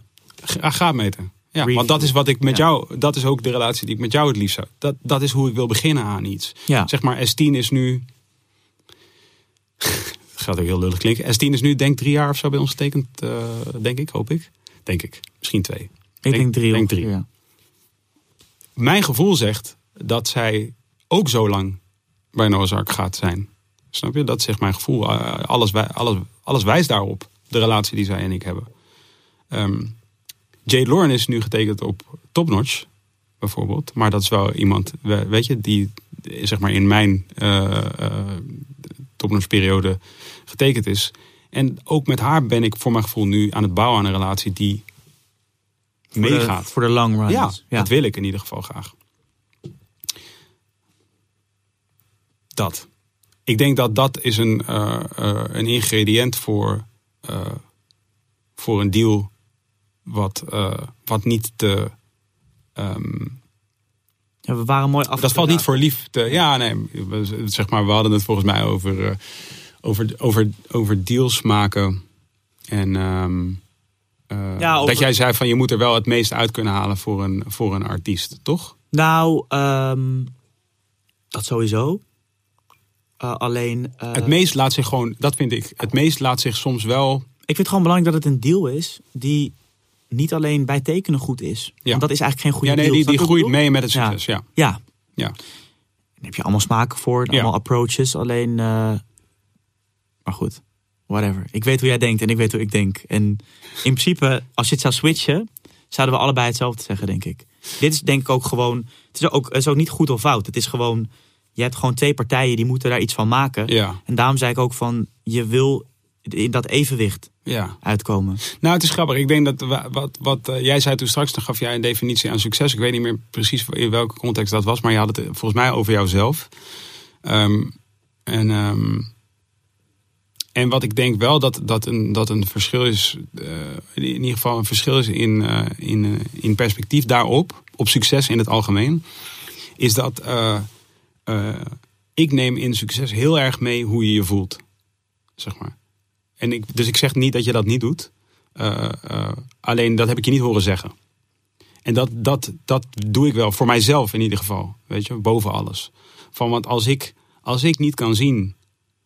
Een succesvol persoon voor mij is een persoon die ik, waarvan ik, als ik, als ik diegene vraag, hoe voel je je? En ik ben niet mezelf, maar een godlike entity waar die persoon niet tegen durft te liegen. Zeg maar, dan, dan, dan moet die persoon kunnen zeggen: ehm, goed, of in evenwicht, of vredig, of je weet toch, ergens tussen comfortabel en oncomfortabel in, zeg maar. Maar hij moet het kunnen duiden, bedoel je? En, en het menen en, en, en weten wat eh, haar of zijn ehm, eh, gedroomde ontwikkeling is vanaf dat punt. Zeg maar. Je weet toch? Dat, diegene moet daar een beeld van hebben. En diegene moet, dus dat is, dat is aan de mentale kant eigenlijk. En aan de fysieke kant, diegene moet fysiek ook gezond zijn. Snap je wat ik bedoel? Anders, Zeker. Hoe ben je succesvol? Voor mij ben je. En dit, eh, voordat ik zeg maar nu allerlei soort van vetshaming-achtige soort eh, dingen om mijn dak krijg. Dat is niet wat ik bedoel. Je weet toch, dat is niet wat ik bedoel. Ik bedoel gewoon, kun je, kun je jezelf in de spiegel aankijken en zeggen: Ik voel me, ja, ik je weet toch, ik, ik, doe dit, ik doe dit goed. Dat is succes. Snap je wat ik bedoel?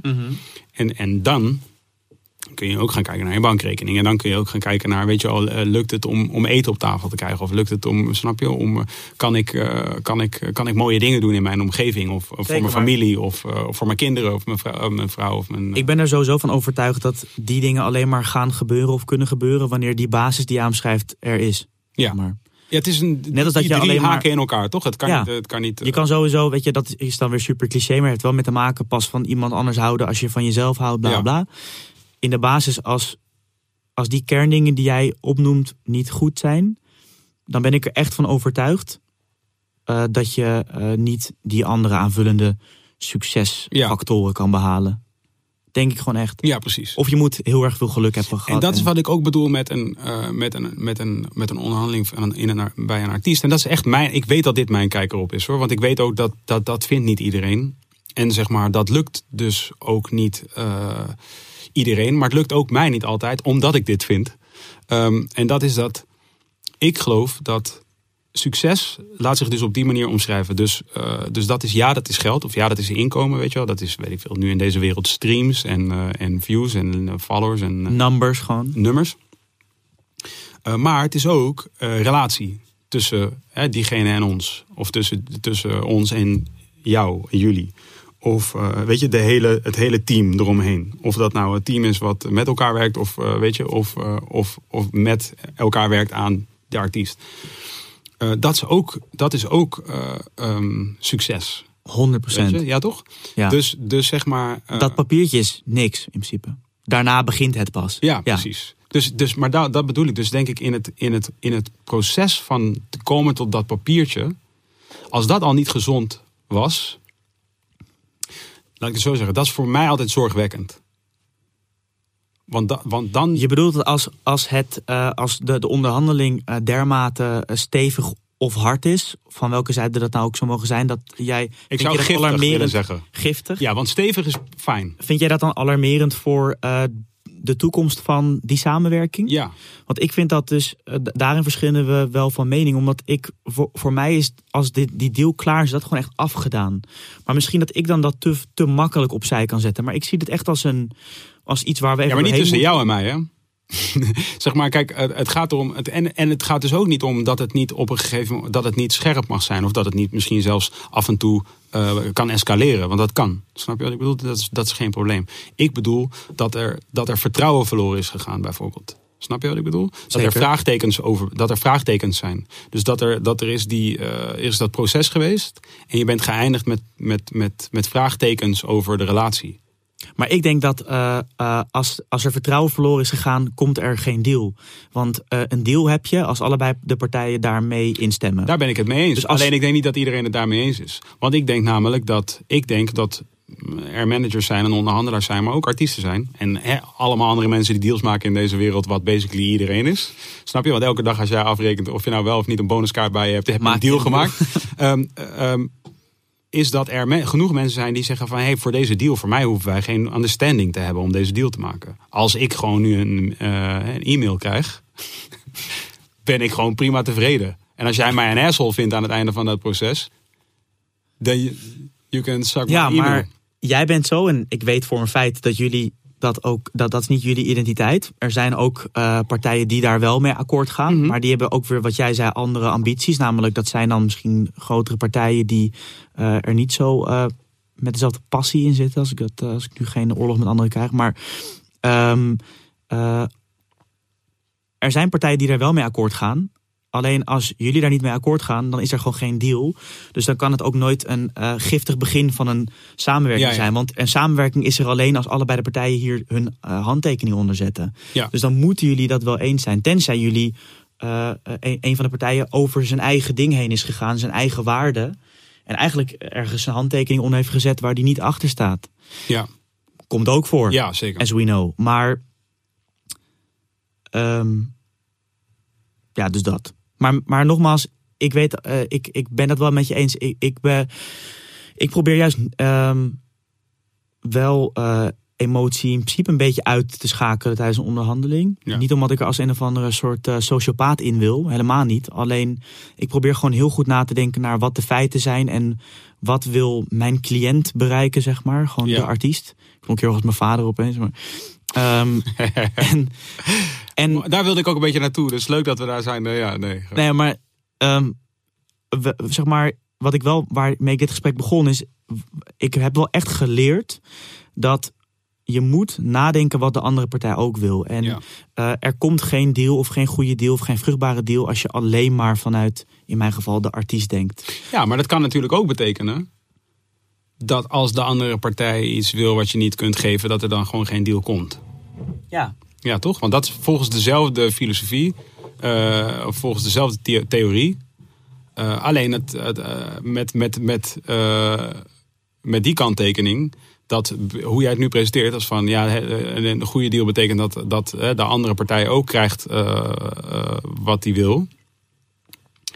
Dus dat kan ook betekenen dat als die partij eh, dat wat hij wil niet kan krijgen, dan is er geen deal. Ja. En, en, en dat is wel de enige, dat is de enige kanttekening bij die theorie waar ik het overigens volledig mee eens ben met die theorie. En dus inderdaad, van, ik vind ook van geen deal is ook een deal. Overigens, Ja. geen emotie is ook emotie. Dat vind ik Ja. wel ook. Want dan heb je eigenlijk, ik bedoel dat je het uitzet is, is fijn. Ehm, maar is nog steeds, een, wat mij betreft, eh, is ook een overweging. Snap je? Ik bedoel, is ook een, want zeg maar geen emotie tonen. Ja, maar het, Nu eh, wordt het een soort van lijpig ding, maar je begrijpt wat ik bedoel, toch? Als, Zeker. als, jij, als jij dus Maar het inderdaad, zeg maar, zeg maar geen emotie als in, eh, zeg maar, dat, dat staat heel vaak gelijk aan heel hard of koud zijn. Maar dat bedoel ik niet. Het is Nee, gewoon, je laat niet je emotie erin. ja, eh, leiden in de precies. beslissingen die je maakt. Ja, terwijl dan kan je alsnog heel empathisch zijn. Ook Ja. naar de tegenpartij, om het zo te zeggen. De andere partij Mhm. aan de tafel. Alleen, ehm, eh, ik, ik denk gewoon dat ik dat misschien... Want precies wat jij zegt, jij bent de eigenaar van dat bedrijf. En jij handelt eigenlijk, onderhandelt ook namens jezelf indirect. Dat is wel iets wat ik fijn vind aan het vak management.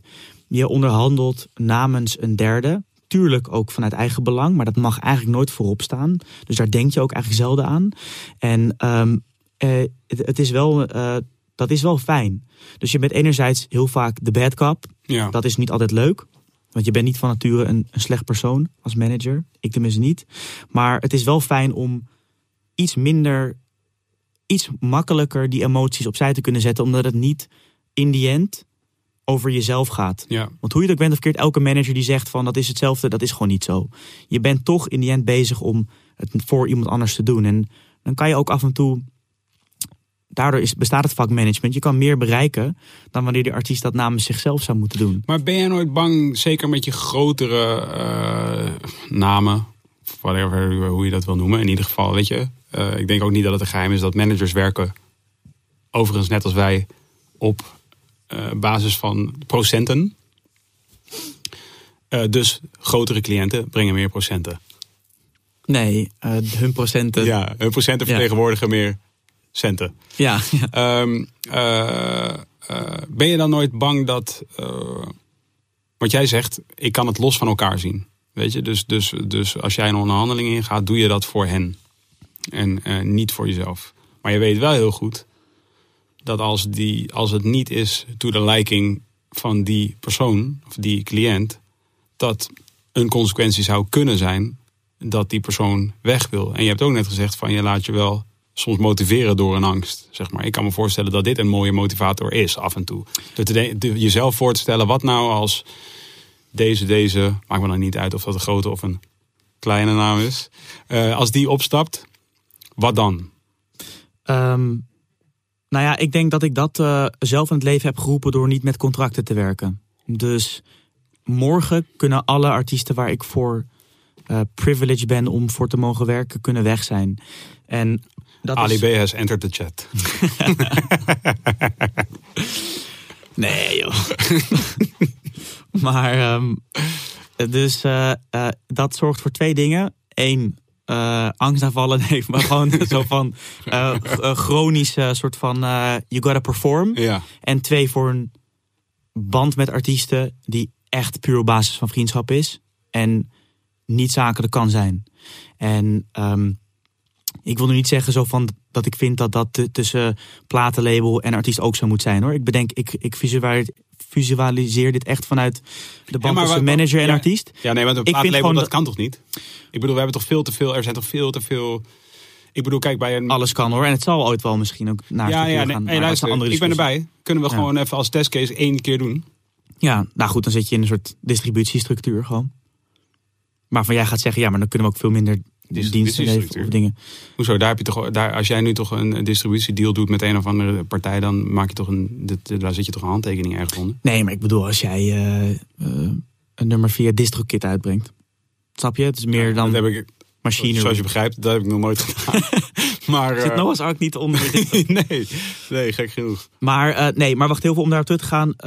Eh, dus ik heb, ik heb die, die chronische angst heb ik al gecreëerd voor mezelf. Zo van, maar ik vind het ook heel normaal, want ik wil niet achterover kunnen leunen en kunnen denken van, van oké, ik heb Dit nu, loopt wel lopen los. ja, van ik heb nu een deal voor drie jaar getekend met deze artiest. Ik ga even lekker niks doen.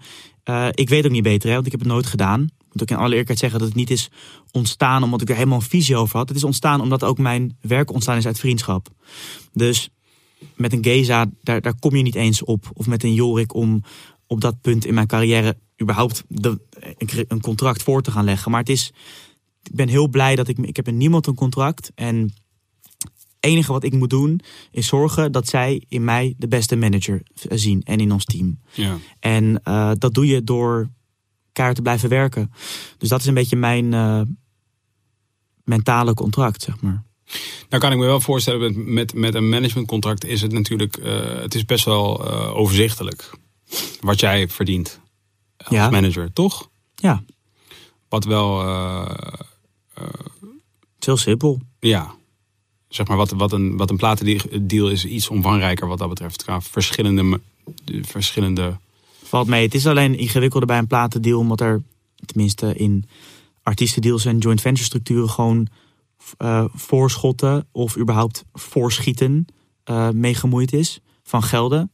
En een manager hoeft niet. Maar er zijn ook meer stromen, toch? Er zijn meer, er zijn meer plekken waar revenue vandaan komt dan. In principe, eh, nee. Nou ja, er zijn wel verschillende afspraken over verschillende vormen van revenue. Dat is eigenlijk wat ik bedoel. Ja.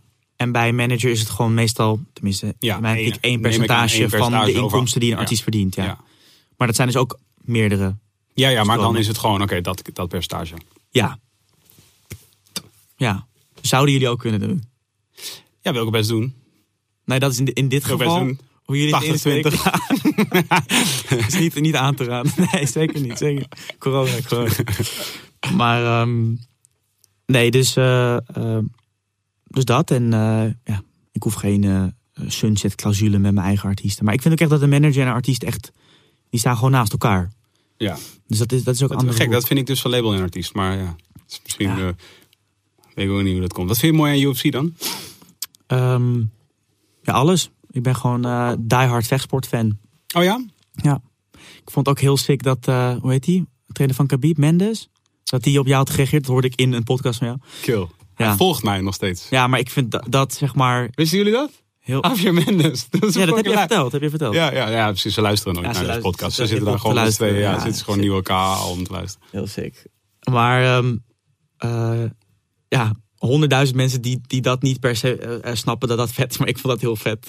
Ja. ja, gewoon, de, de- ja, dus dat. Nee, ik, ik ben echt wel, eh, wel eh, diehard eh MMA-fan, ja. Ja, wat, wat, wat, vind je er, eh, wat vind je er hard aan?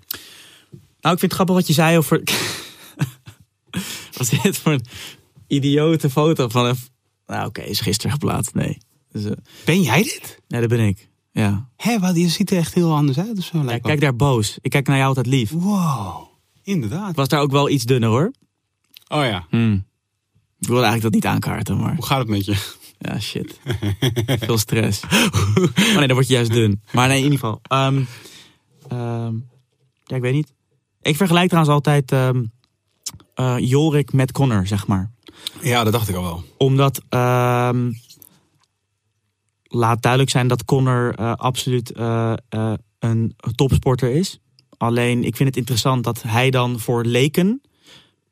leken zullen hem wel kennen, Ja. als je het zou vragen. En ze zullen niet een andere vechter kennen uit zijn gewichtklasse... Ja. die misschien beter is Ja, of, niet actueler. Zo goed, ja. Ja, en ik vind dat wel leuk. Dat is op basis van eh, marketing en chockeren. Het is heel erg vergelijkbaar met hoe Jorik zichzelf heeft eh, gepresenteerd en heeft geduwd richting de plek waar hij nu staat. ja.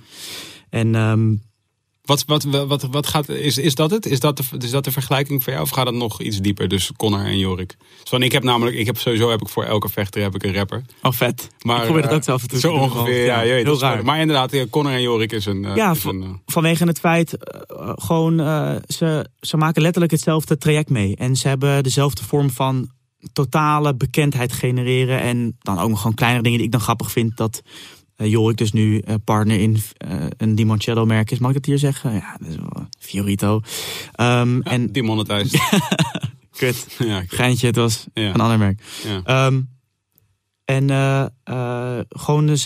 nee, oké, maar in de basis is het gewoon... Weet je, er is, er is nog een veel sikkere volgens mij. Is het niet zo dat Jorik... was, heeft hij ook niet met zijn handen gewerkt? Was hij ook niet loodgieter? Zeker. Connor was loodgieter, bro. Oh, vet, dat wist ik oprecht niet. Ja, denk ik ook. Dat is, dat is de sixte. Zeg maar, eh Connor werkte letterlijk als, eh, als loodgieter. Hij was een loodgieters apprentice. Wauw. Toen hij, eh, net voordat hij ging vechten. Dus hij besloot daarmee te kappen. En al zijn effort op, op MMA te zetten. Bizar. Omdat hij het beu was. En dat, dat is de lijpste vergelijking tussen eh, Kleine so far, en, ja. en, en, en Connor. En wat ik een andere lijpe vergelijking vind tussen Kleine en Connor. Vind ik dat, eh, maar dat is, dat is logisch, dat gaat gepaard met eh, grote bekendheid. Is dat ehm, bij hen beiden wordt. krijgen ze niet, laat ik zeggen, genoeg credit voor hun liefde voor hun art. Ja. En dat ze een bepaalde wereld ook wel niet voor ons intern, maar voor ehm, het grote publiek hebben geopend. Ja. Ja, ik denk, ik denk wel dat dat iets is, wat, laat ik het zo zeggen. Die zien meer mensen. Zeg maar. Oh nee, maar ik, vond niet, ik vind niet dat zij daar te weinig credit voor. Maar Ja. dat is wederom iets wat ze ja, ja, wat ze hebben gemeenschappelijk hebben. Ja, optiek, 100%. Ja, Ja. 100%. En dan word je wel snel als commercieel gezien. Dat is dan eigenlijk een, een beetje stank voor dank, Ja, zeg maar. Omdat je dan zo, het zo erg opent. ja. ja want dat, dat, dat vind ik, maar dat heb ik, dat heb ik sowieso in het algemeen hoor, met heel veel, laat ik zeggen, bekendere eh, namen. Of het dus inderdaad nou rappers zijn of vechters. En ik denk dat met, met, eh, met Conor McGregor is gewoon heel eh, logisch. Ook omdat hij heeft zich zeker in de afgelopen tijd natuurlijk ook niet super populair gemaakt met heel veel dingen die hij die, die heeft gedaan en dat soort dingen. Alleen, eh, ehm, ja, weet je, ik, ik denk niet dat je een interview online van Conor gaat vinden ergens wat ik niet gezien heb. Dus van, ik heb ze allemaal gezien. En dat geldt ook voor Habib en dat geldt voor een heleboel andere vechters ook, maar dus ook voor hem. En als je gewoon zijn interviews checkt, weet je gewoon mm, waar zijn, waar zijn hart zit. Ja. Zeg maar. Ondanks dat, en dat, eh, die bekendheid ken ik niet en die ken jij ook niet, maar die kennen zij wel. Eh, respectievelijk dan. De bekendheid van Kleine is natuurlijk absoluut minder dan die van eh Connor. Maar als je het ver- eh, vertaalt van Relatief gezien. Kleine is Nederland en Connor is de wereld, dan is, is het vergelijkbaar. En dan is het gewoon, denk ik, ja, dan is het altijd een uitdaging om, om, om Normaal te blijven. nou, vooral om constant eh, aan de, aan de, in iedereen's favoriet te blijven. Zeg maar. Omdat, ja, dat komt natuurlijk met uitdagingen, dat weet jij ook Zeker. heel goed. En, eh, en dat zie ik bij Connor gebeuren. Wat ik wel overigens heel eh, verdrietig vind bij Connor. Omdat ik hem wel echt oprecht heel hoog had zitten. Heel Ja. veel jaren. En dat ik wel echt het heel... mm, Omdat ik wel heel beteuterd ben geraakt van... van ja, dat ik toch hoopte dat hij er beter mee om zou springen dan hij mee om is gesprongen. Maar Hij is wel weer terug nu in eh, januari, toch? Gaat in ieder geval weer vechten. hij gaat in ieder geval Dus weer er vechten. komt weer iets op gang. Ja, nou ja, en, en, en, en wat ik wilde zeggen, only God can judge in zoverre dat ik weet niet wat het is om Conor McGregor te zijn. En ik kan me alleen maar voorstellen dat het, eh, dat het waanzin is. Ik weet dus ook niet wat het is om Lil Klein te zijn. Ik kan me ook voorstellen dat het waanzin is en dat het dus met zijn uitdagingen komt. Eh, Zeker, ja. En al dat soort shit. Ik heb, toevallig had ik vannacht op mijn een, eh, een, eh, een stukje gezet van eh, Dominic Cruz. Dominic, ken je Dominic Cruz toevallig? De, hij is, eh, was eh, lange tijd... Oud-vechter, commentator. nu. Ja, nog steeds. Hij vecht nog steeds. Hij gaat nu binnenkort. Hij, gaat in- Maar hij was wel volgens mij voor het laatst echt wel goed. Had hij wel goed verloren. hij had maar. goed verloren. Ja. En hij was, maar zijn laatste, volgens mij was eh, zijn laatste gevecht was ook een, eh, een championship fight. Alleen hij heeft had heel hij veel verloren van? Figueredo? Of was dat niet van, van hem? Anyway, was een tijd terug, toch? Ehm, Hij heeft volgens mij zijn laatste. Ging hij wel echt gek nokkie in ieder geval. Ja, dat kan wel, ja. Ja, dat, ja, dat zou ik goed kunnen. Maar in ieder geval, hij dus. Eh, hij heeft dus. eh, eh, hij, had, hij had- hij deed een de Bruce Lee podcast. Dus, dus de Bruce Lee Real Estate wordt beheerd door zijn ehm, dochter. En die doen dus van alles. Wow. Ja, Fun fact. Oh ja. Ja. En die doen dus van alles, waaronder een podcast. En Dominic Cruz was dus de gast in die podcast. Dit is waarom ik MMA zo lauw vind. Is dat, zeg maar, eigenlijk bestudeer ik MMA als, ook als business, zeg maar, specifiek UFC, veel meer dan dat ik de muziek business bestudeer. En omdat, ik, eh, omdat het namelijk eh, leuk is. Eén, dat ik niet 100% van mijn tijd bezig ben met één ding. Maar dat ik dus voor mijn gevoel ook nog iets van een hobby heb. Wat niet de hele tijd alleen maar is wat ik ook aan het doen ben met mijn werk. Ehm, plus het zijn heel vergelijkbare... eh, Ik wou net zeggen, want ik ben echt niet de enige, denk ik, van ons twee hier aan tafel die eh, het succes van de UFC heel erg kan vergelijken met TNNA. ja, Toch? ja. Zeker, Eh, ja. Zo, nou, letterlijk eh, Op topnotch. echt heel veel fronten. Topnotch en de UFC werden volgens mij op, op, op één, jaar, één jaar verschil... of misschien twee jaar verschil werden ze opgericht. Ja. Ehm, eh, En je pakt iets wat totaal ondervertegenwoordigd is, waar iedereen ook haat op heeft. ja, een niche. Hip-hop, controversieel. en een soort kooi vechten met Ja. bloed. Precies. En eh, dan eh, eh, ontploft die branche. En dan is daar gewoon, nou, dat is wel, dat durf ik gerust over jullie te zeggen. En de UFC ook. Dan is dat dan een soort van het leidinggevende merk, zeg maar, de brand. Ja, Waar veel artiesten bij willen en waar veel vechters bij willen. ja. En ook af en toe gezeur met, met deals. Dat hoort er ook bij. Bijvoorbeeld, en met, en, met, en met allemaal andere shit. Weet je, en je wordt, en je wordt, je wordt een hoge boom. Dus je vangt ook veel wind. En, Ja. dat, en, en dat, dat hoort daar ook bij. En dus zeg maar. Eh, dat vind ik er interessant aan. En, dus die, eh, dus, en ook en vechters, much like artiesten. ehm, eh, zijn, vinden, zijn ook, weet je, het is martial arts, dus ze zijn bezig met art. Weet je, van uiteindelijk, je hoeft het niet zo te zien, maar als je, als, je, als je ervan houdt en je kunt het erin zien, dan zie je de art. Wat ik dus ook zie in, en hoor in KA of in Kulas en Blakka of in Leeuw Kleiner. Van, natuurlijk zijn de meest opvallende uitspraken die ze doen, zou je kunnen wegzetten als plat of als oppervlakkig of oké, het gaat weer over money of weer over champagne of weer over auto's of weer over oké, whatever. Maar als je, als je een expert bent of als je iemand bent die werkelijk fan is, dan kun je Ja, daar ook daardoor heen luisteren hoe raar het ook klinkt. ja, En, en daar andere eh, Ja. niveaus of dieptes, dimensies in horen. en de achtergrond van een artiest daar ook in vinden, zeg maar. En Waarom hij daarover rapt, Ja, zeg maar. ja precies. Ja. En als je dus een artiest, eh, en dat vind, ik, dat vind ik dat er nog wel aan ontbreekt, in alle eerlijkheid, in onze, eh, in Nederland, in de Nederlandse entertainmentindustrie, maar ook in, eh, eigenlijk wereldwijd nog best wel in de hip-hop-industrie. En dat is nu wel op gang aan het komen dankzij bijvoorbeeld podcasting. Maar is, ik mis nog wel af en toe de, zeg maar, de verdieping daarin. En dat, en dat ligt, ligt ook aan onszelf. En ook aan artiesten. Is dat ook, zeg maar, ik denk ook dat. Waarom? Ja, ik denk dat nog veel artiesten het ook spannend vinden om, zeg maar. Oh, media schuw in Nou ja, deze sector of zo. om, maar ook om bijvoorbeeld zelf eh, te vertellen over wat ze nou eigenlijk. Snap je wat ik bedoel? Hoe, hoe diep het is. Er zijn nu natuurlijk wel steeds do- meer documentaires. Ligt wel ook, over, uh, ook aan de media, zeg maar. Ja, maar ja, kijk, je moet het natuurlijk niet hebben van RTL Boulevard wat dat betreft. Je moet het, weet je, zo van, als je denkt dat je daar je verhaal kunt doen, ja, Nee, dan maar heb je pech. ja, Daar ga je niet je verhaal kunnen doen. En dat kon je ook niet bij eh, de wereld eruit door. En dat, snap je, ik bedoel, daar is geen tijd voor. Dus je moet het zelf gaan vertellen, dat verhaal. Zeg maar. ja. Als je dat wil vertellen natuurlijk. En ik bedoel, ik denk ook dat, dat er iets... Zo is ook een rookworst ontstaan, toch? Vanuit jullie. Ja, bijvoorbeeld. Wat ik heel vet vind. Ja, bijvoorbeeld. En ik Letterlijk zo van, ik, ik ben eh Hef, eh, ik wil mijn album promoten. Eh, er is niet heel veel aanbod. Wat ook nog eens heel goed wordt eh, geluisterd of bekeken. Fuck it, ik ga het zelf doen. Ja, En een half miljoen views per aflevering. ja. We- we- Trouwens, Hef. Of ik geloof Hef en Davy. Shout-out. Nee, ik- maar ik, ik bedoel met jullie gewoon. Ja, ja, ja. Misschien het, kwam uit die, eh, het kwam uit het team, ja. Ja. Maar ik zou, het is wel eh, Hef zijn initiatief. Maar, maar de, eh, hoe heet dat... ehm, dat, dat de- de- de- ik had vannacht op mijn Instagram staan, dus Dominic Cruz die vertelt over, ehm, over zijn blessureleed. En eh, eh, eh, hij vertelt dus van, ik, ik was op een gegeven moment in een periode steeds geblesseerd. En ik was eigenlijk aan het revalideren en ik moest terugkomen, maar het kon nog niet. Weet je, van, hij, heeft daar heel, daar heel veel eh, in zijn carrière heel veel last van gehad. En hij zei, eh, ja, ik, ik, ik raakte gefrustreerd met de sport, snap je? Van, want ik wilde het ik wilde dat de sport mij iets gaf. Namelijk dat ik weer kon vechten. En, dat ik de, en toen op een gegeven moment legde ik me erbij neer. Omdat ik, eh, omdat ik het, het werd allemaal stijf en rigide. Weet je, van, want ik was aan het, eigenlijk aan het soort vechten met de sport zelf. En toen besloot ik, oké, dan, maar wat kan ik geven? Wat kan ik nu geven aan de sport? Dus toen ging hij dus eh, presenteren bijvoorbeeld. Wat uiteindelijk nu is hij dus, zeg maar, Ja. een van de main. eh, Ja, is denk ik me- het meest te horen bijna. ja, precies. Dat kwam eigenlijk voort uit de blessure, zeg maar.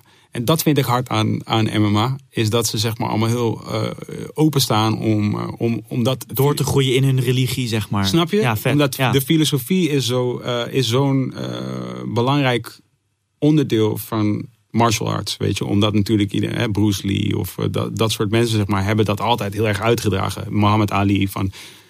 We, hebben, we zijn ook denkers. Ja. Weet je toch? We zijn vechters, maar we zijn ook denkers. En de eerste dingen die je volgens mij, ik heb nooit op jiu-jitsu of zo gezeten, maar die je daar leert, is volgens mij ook echt een soort van zieke vormen van respect voor je leraar. En eh, ook een soort van authentieke boeddhistische begroetingen bijna. Nee, maar Ja. heel erg met die.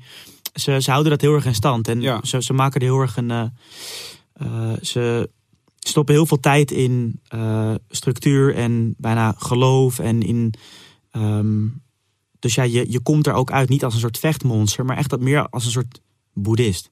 Mhm. Dat idee heb ik altijd. bij Dat idee soort heb ik ook. En ik bedoel, Ja. dat is ook wel een soort van. Dat is ook graag wat ik zie. Dus ik bedoel, er zijn natuurlijk in de UFC of in, of in MMA of in vechtsport in het algemeen zijn natuurlijk ook gewoon.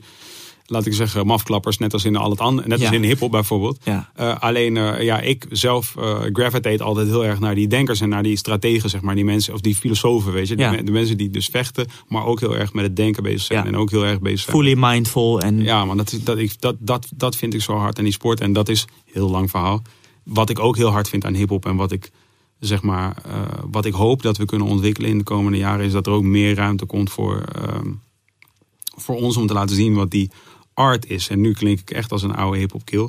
Maar zeg maar, dat is wat ik waardeer bijvoorbeeld aan. Ik ken Kleine ook al heel lang, zoals je weet. Eh, eh, eh, omdat een heleboel mensen in ons zien kennen Kleine al heel lang, omdat Kleine gewoon vanaf zijn derde al aan het DM'en was. en liet, ook al was ma- geen liet merken dat hij er was ook. Ja. Dus, zeg maar, dus, dus je wist het ook. Maar ik bedoel, en ik ken hem niet super goed, maar hij was wel een periode lang was hij, was hij ook in onze buurt veel. Klopt. En, en het enige wat ik weet van hem is dat hij was altijd aan het schrijven. En hij was altijd aan het rappen. Weet je, van hij was altijd aan het maken, aan het creëren. Zeg maar, van, dat is wel iets wat in hem zit. En, en, en dat waardeer, dat, dat, alleen als je weet wat dat is, respecteer je iemand daarom. Ja. Begrijp je wat ik bedoel? Plus, hij is echt het levende bewijs van iemand die echt al wist dat hij dat ging worden. toen hij letterlijk nog niet eens zijn eigen achternaam kon spellen. Weet Ja. wel? Gewoon, Ja, dat is gewoon op beeld vastgelegd. ja, ja, ja, ja precies. Ja, ja. dus het is niet een soort profiteur. Dat kon ook niet, want hij zat net aan het randje juist van die ontploffing, denk ik, met, Ja. met New Wave. Maar eh, ja. ja, maar hij zit in de motherfucking testament clip. Met een soort van, daar was hij, hoe oud was hij daar? Zeven of zo. Oh ja, nou. Nou, denk ik hoor. Dat is een goal. ja, weet Ja. ik ook niet. Maar ik bedoel, hij was in ieder geval echt heel, heel, klein, Ja. heel klein. En, en, Dus hij was toen ook nog niet, zeg maar, eh, hij, hij kon nog niet eens qua brein eh, een soort nadenken over, ga ik hier veel geld mee verdienen? Mhm, Dus het, je, je kan wel beamen dat het een passie van hem is, Ja. zeg maar. ja. En daarna had hij ook wel gewoon eh, zijn pijlen gezet op succesvol zijn. Alleen, ja, hij is dus wel gek genoeg een purist. Nou, niet gek genoeg, maar wat mensen niet zullen weten zo snel. Ja, en dat, en dat, dat, dat is dus. Misschien is dat ook gewoon omdat ik heel graag wil dat, eh, dat, er, dat er meer respect komt voor wat we, wat we doen. Weet je, van ik, ik bijvoorbeeld, je hebt dan nu, eh, weet ik veel, journalisten. Specifiek afgelopen jaar een, een, een, stuk op 3 voor 12 verschenen. Geschreven door een eh, journalist die daar werkt. En die, die, die, Was dat dat interview met jou? Nee, nee, nee, ik zat daar niet in. Maar die, die zei dus dat, die zei dan, hip-hop is eh, eh, ehm, zo en zo. Dus een soort beschuldiging richting de, cultu- de richting hip-hop cultuur. Vrouwenvriendelijk. Ja, bijvoorbeeld. Homofobisch, et cetera. Fijn, snap je? Ik bedoel, stel wat je wil stellen. Daar wil ik niet eens over in per se een soort statement over maken. Maar hip-hop is eh, bijvoorbeeld sampling. snap je wat ik bedoel? Dat is zo van, ja, eh, je weet toch, hip-hop is een heleboel dingen. Snap je wat ik bedoel? Hip-hop is dus sampling. Ik was afgelopen weekend bij Remix in de studio. En daar gingen we op YouTube een filmpje kijken hoe uh, Fordy, die producer van Drake, uh, uh, um, de sample heeft gechopt van, van um, Started from the Bottom, volgens mij. Ik hoor nog steeds nummers in hele rare, heel, even random tussendoor, maar ik zet dus heel veel soul muziek op voor mijn dochtertje. Die vindt het Ja. helemaal te gek. Ja. En dan hoor ik dus nog steeds elke dag nummers die ik ken van Easy ja. of Dr. Dre, die gewoon niet eh, door hun origineel zijn geproduceerd. Dat is dus, ik ben er pas sinds drie dagen echt achter dat wat jij zegt klopt. Sampling is echt van hip-hop dag één, zeg maar. Ja, toch? Ja. Maar en, en dan denk ik, dat, dat is hip-hop. Ja. Wat ik bedoel, hip-hop is dat. Hip-hop, hip-hop. Ik bedoel, en dan nogmaals, met het risico om nu als een soort oude man over te komen. Maar ik bedoel, mijn, mijn, mijn, point being. eh, media will have you believe right now, nu, dat hip-hop. eh, ehm, is die mensen die, die het meest. eh, het meest duidelijk te zien zijn in media. Dus dat zijn bijvoorbeeld mensen die nu eh, in aanraking komen met politie. Of Precies. mensen die iets uit hebben gevreden. Omdat ze niet genoeg tijd investeren in zich wat de te cultuur verdiepen is. in de cultuur, Exact. pakken ze degene die ze vinden op En dan, Google. en dan omschrijven ze het gewoon rustig als homofobisch. Ja. Dat ik denk van, is, is samples zoeken homofobisch? En daar wil ik graag deze podcast mee. Kun je die als, eh, die wil ik graag als, als clickbait ehm, titel. Wil je, wil je, wat, wat, eh, wat zou je mensen willen meegeven voor 2021? Al deze mensen die in 2020 gewoon best wel een taaie tijd hebben gehad eh, als gevolg van Rona. Hebben we trouwens niet helemaal niet over gehad. Hoe gaat het met je, Kill? Ja, maar het is ook fijn om het een keer niet op Nee, fuck corona te. Ja, nee. Ik wil er wel één ding, over zeggen. Ik ben gewoon, eh, want dat is ook gewoon wat ik mezelf heb aangepraat. Ik ben gewoon heel trots als ik dit jaar mijn team kan behouden. Dat Ja. voelt voor mij als totaal winnen. En ehm, ik probeer een beetje zo van eh à la Churchill, never waste a good crisis. Mhm. Alleen, ehm, ja, ik, dit, ik kan ook niet anders dan dit zeggen, want gewoon er komt geen geld binnen. Mhm. Maar het is, eh, ik ben wel echt oprecht heel trots. Eh, want we zitten bijna in het nieuwe jaar dat ik dus waarschijnlijk mijn team helemaal heb kunnen behouden. En ehm, ja, dat, dat is wel hoopvol voor alles en, en eh, dat soort dingen. En verder ben ik gewoon eigenlijk continu bezig om voor artiesten nieuwe initiatieven te bedenken en financieel structuren te verzinnen. Het was niet het meest creatieve jaar in ieder geval. Wat heb je voor alle ehm, young, eh, ambitieuze ehm, ehm, girls en boys out there die eh, nu luisteren en eh, denken van oeh, Ik wil manager worden. ja. Don't do it. Don't do it. Nee, ja, Jezus. Ik denk dat als jij iets wil doen in de entertainmentindustrie. En het lukt je niet om een, eh, om een baan te krijgen bij eh, Topnotch Noah's Ark. dat het dan wel heel leuk is om te kijken of je aan de andere kant van de medaille. ehm, met, ja, op, op die manier vanuit management met jong talent op kan, op kan schieten. Nee, maar wat als je dus specifiek manager wil worden? Wat, wat, wat, wat zou je zeggen van wat, wat, wat, is de, wat is jouw advies? Ehm, ik denk dat je ermee begint door eh, een beetje de basisprinciples te bestuderen. Wat niet eigenlijk kan worden bestudeerd. Dus dat is niet uit een studieboek. Dus dat moet je echt autodidact doen. Ja, in het veld opdoen. En denk aan onderhandelen. Maar wel ook even de soort basisprincipes van waar, waar bestaat een artiest uit? En überhaupt wil je je richten op muzikanten, op influencers, op acteurs. Maar om het even over muzikanten te hebben. ehm, hoe werkt dat? Nou, je hebt een label, een publisher, een boeker, een manager. Wat doen die en hoe werken die samen? En als je die soort basismaterie hebt opgedaan, denk ik toch dat, ja, nogmaals, ik ben hier ingerold, dus ik kan het niet zo terugdraaien voor mezelf. Maar dat je gewoon begint met, ja, denk ik toch wel, talentscouten of zo. In je nabije omgeving. Dus die je ook kan benaderen. En als jij iemand tegenkomt die je heel erg mooi vindt zingen, of het raakt je, of rappen, whatsoever. Dan ehm, begint het toch met een beetje bals hebben, eh, ook als dame. En gewoon een, eh, denk ik, een DM sturen, contact zoeken, je verhaal vertellen. Wat met name moet bestaan uit jouw verhaal voor diegene, wat jij met die persoon zou willen doen. En eh, vertrouwen creëren, en mee afspreken. Laten zien dat je in ieder geval even hard bereid bent om te rennen als die artiest in spe. En ehm, dan zou dat zomaar gewoon je eerste talent kunnen zijn. Want het valt of staat, hoe cliché het ook klinkt, echt allemaal met vertrouwen en een soort basisvriendschap. Dat iemand ja, letterlijk zijn eh, zakelijke ehm, carrièrekeuzes bij jou neerlegt. En dat begint gewoon met, in mijn optiek, met een vorm van vriendschap en een visie delen waar diegene misschien zelf nog niet aan heeft gedacht. Dat zou ik zeggen, denk ik. Dat gaan we daarmee doen. Thanks voor het Ben je het mee eens ook? Je bent helemaal, eh, ja. Jij Sowieso. onderschrijft dit? Oké, Dit onderschrijf ik, ja. vet. Thanks. Jij bedankt. Veel plezier op het feestje. Zo. Thanks. Lief van je. Twan, Finn, Raoul, Cedra. Is dat de hele ploeg? En motherfucking Nivo. Oh, Ovi. Ja, maar die was weer vervelend toen straks. Dus eh, weet ik niet. Dit was wel de Aarde podcast. Dankjewel, Peus. Was dit leuk? Dankjewel voor het luisteren, dames en heren. Wilde Haren, de podcast Revolutie in jouw oor. Petje.af slash Wilde Haren. Daar moet je even heen gaan om ons te supporten. Door middel van een kleine donatie. Dat kun je doen voor één afleveringetje. Maar je kunt het ook doen door te zeggen van... Nee, weet je wat, elke aflevering die jullie maken krijgen jullie van mij... Puntje, puntje, puntje euro. Dat kan al vanaf één, maar je kan ook zeggen... Nee, 10. Je krijgt ook 10. 10, 100, 200, wat jij wil. Petje.af slash Wilde Haren. Daar kun je ook eh, merchandise van ons kopen. Ook daarmee support je ons. Je kunt ons natuurlijk ook volgen op de verschillende sociale media's. Eh, dat zouden we ook heel erg leuk vinden.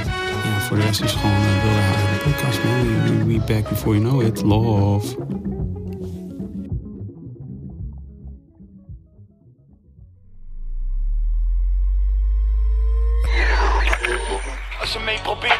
Is meelopen logisch Maar of je vormt de stroming of gaat tegen de stroom in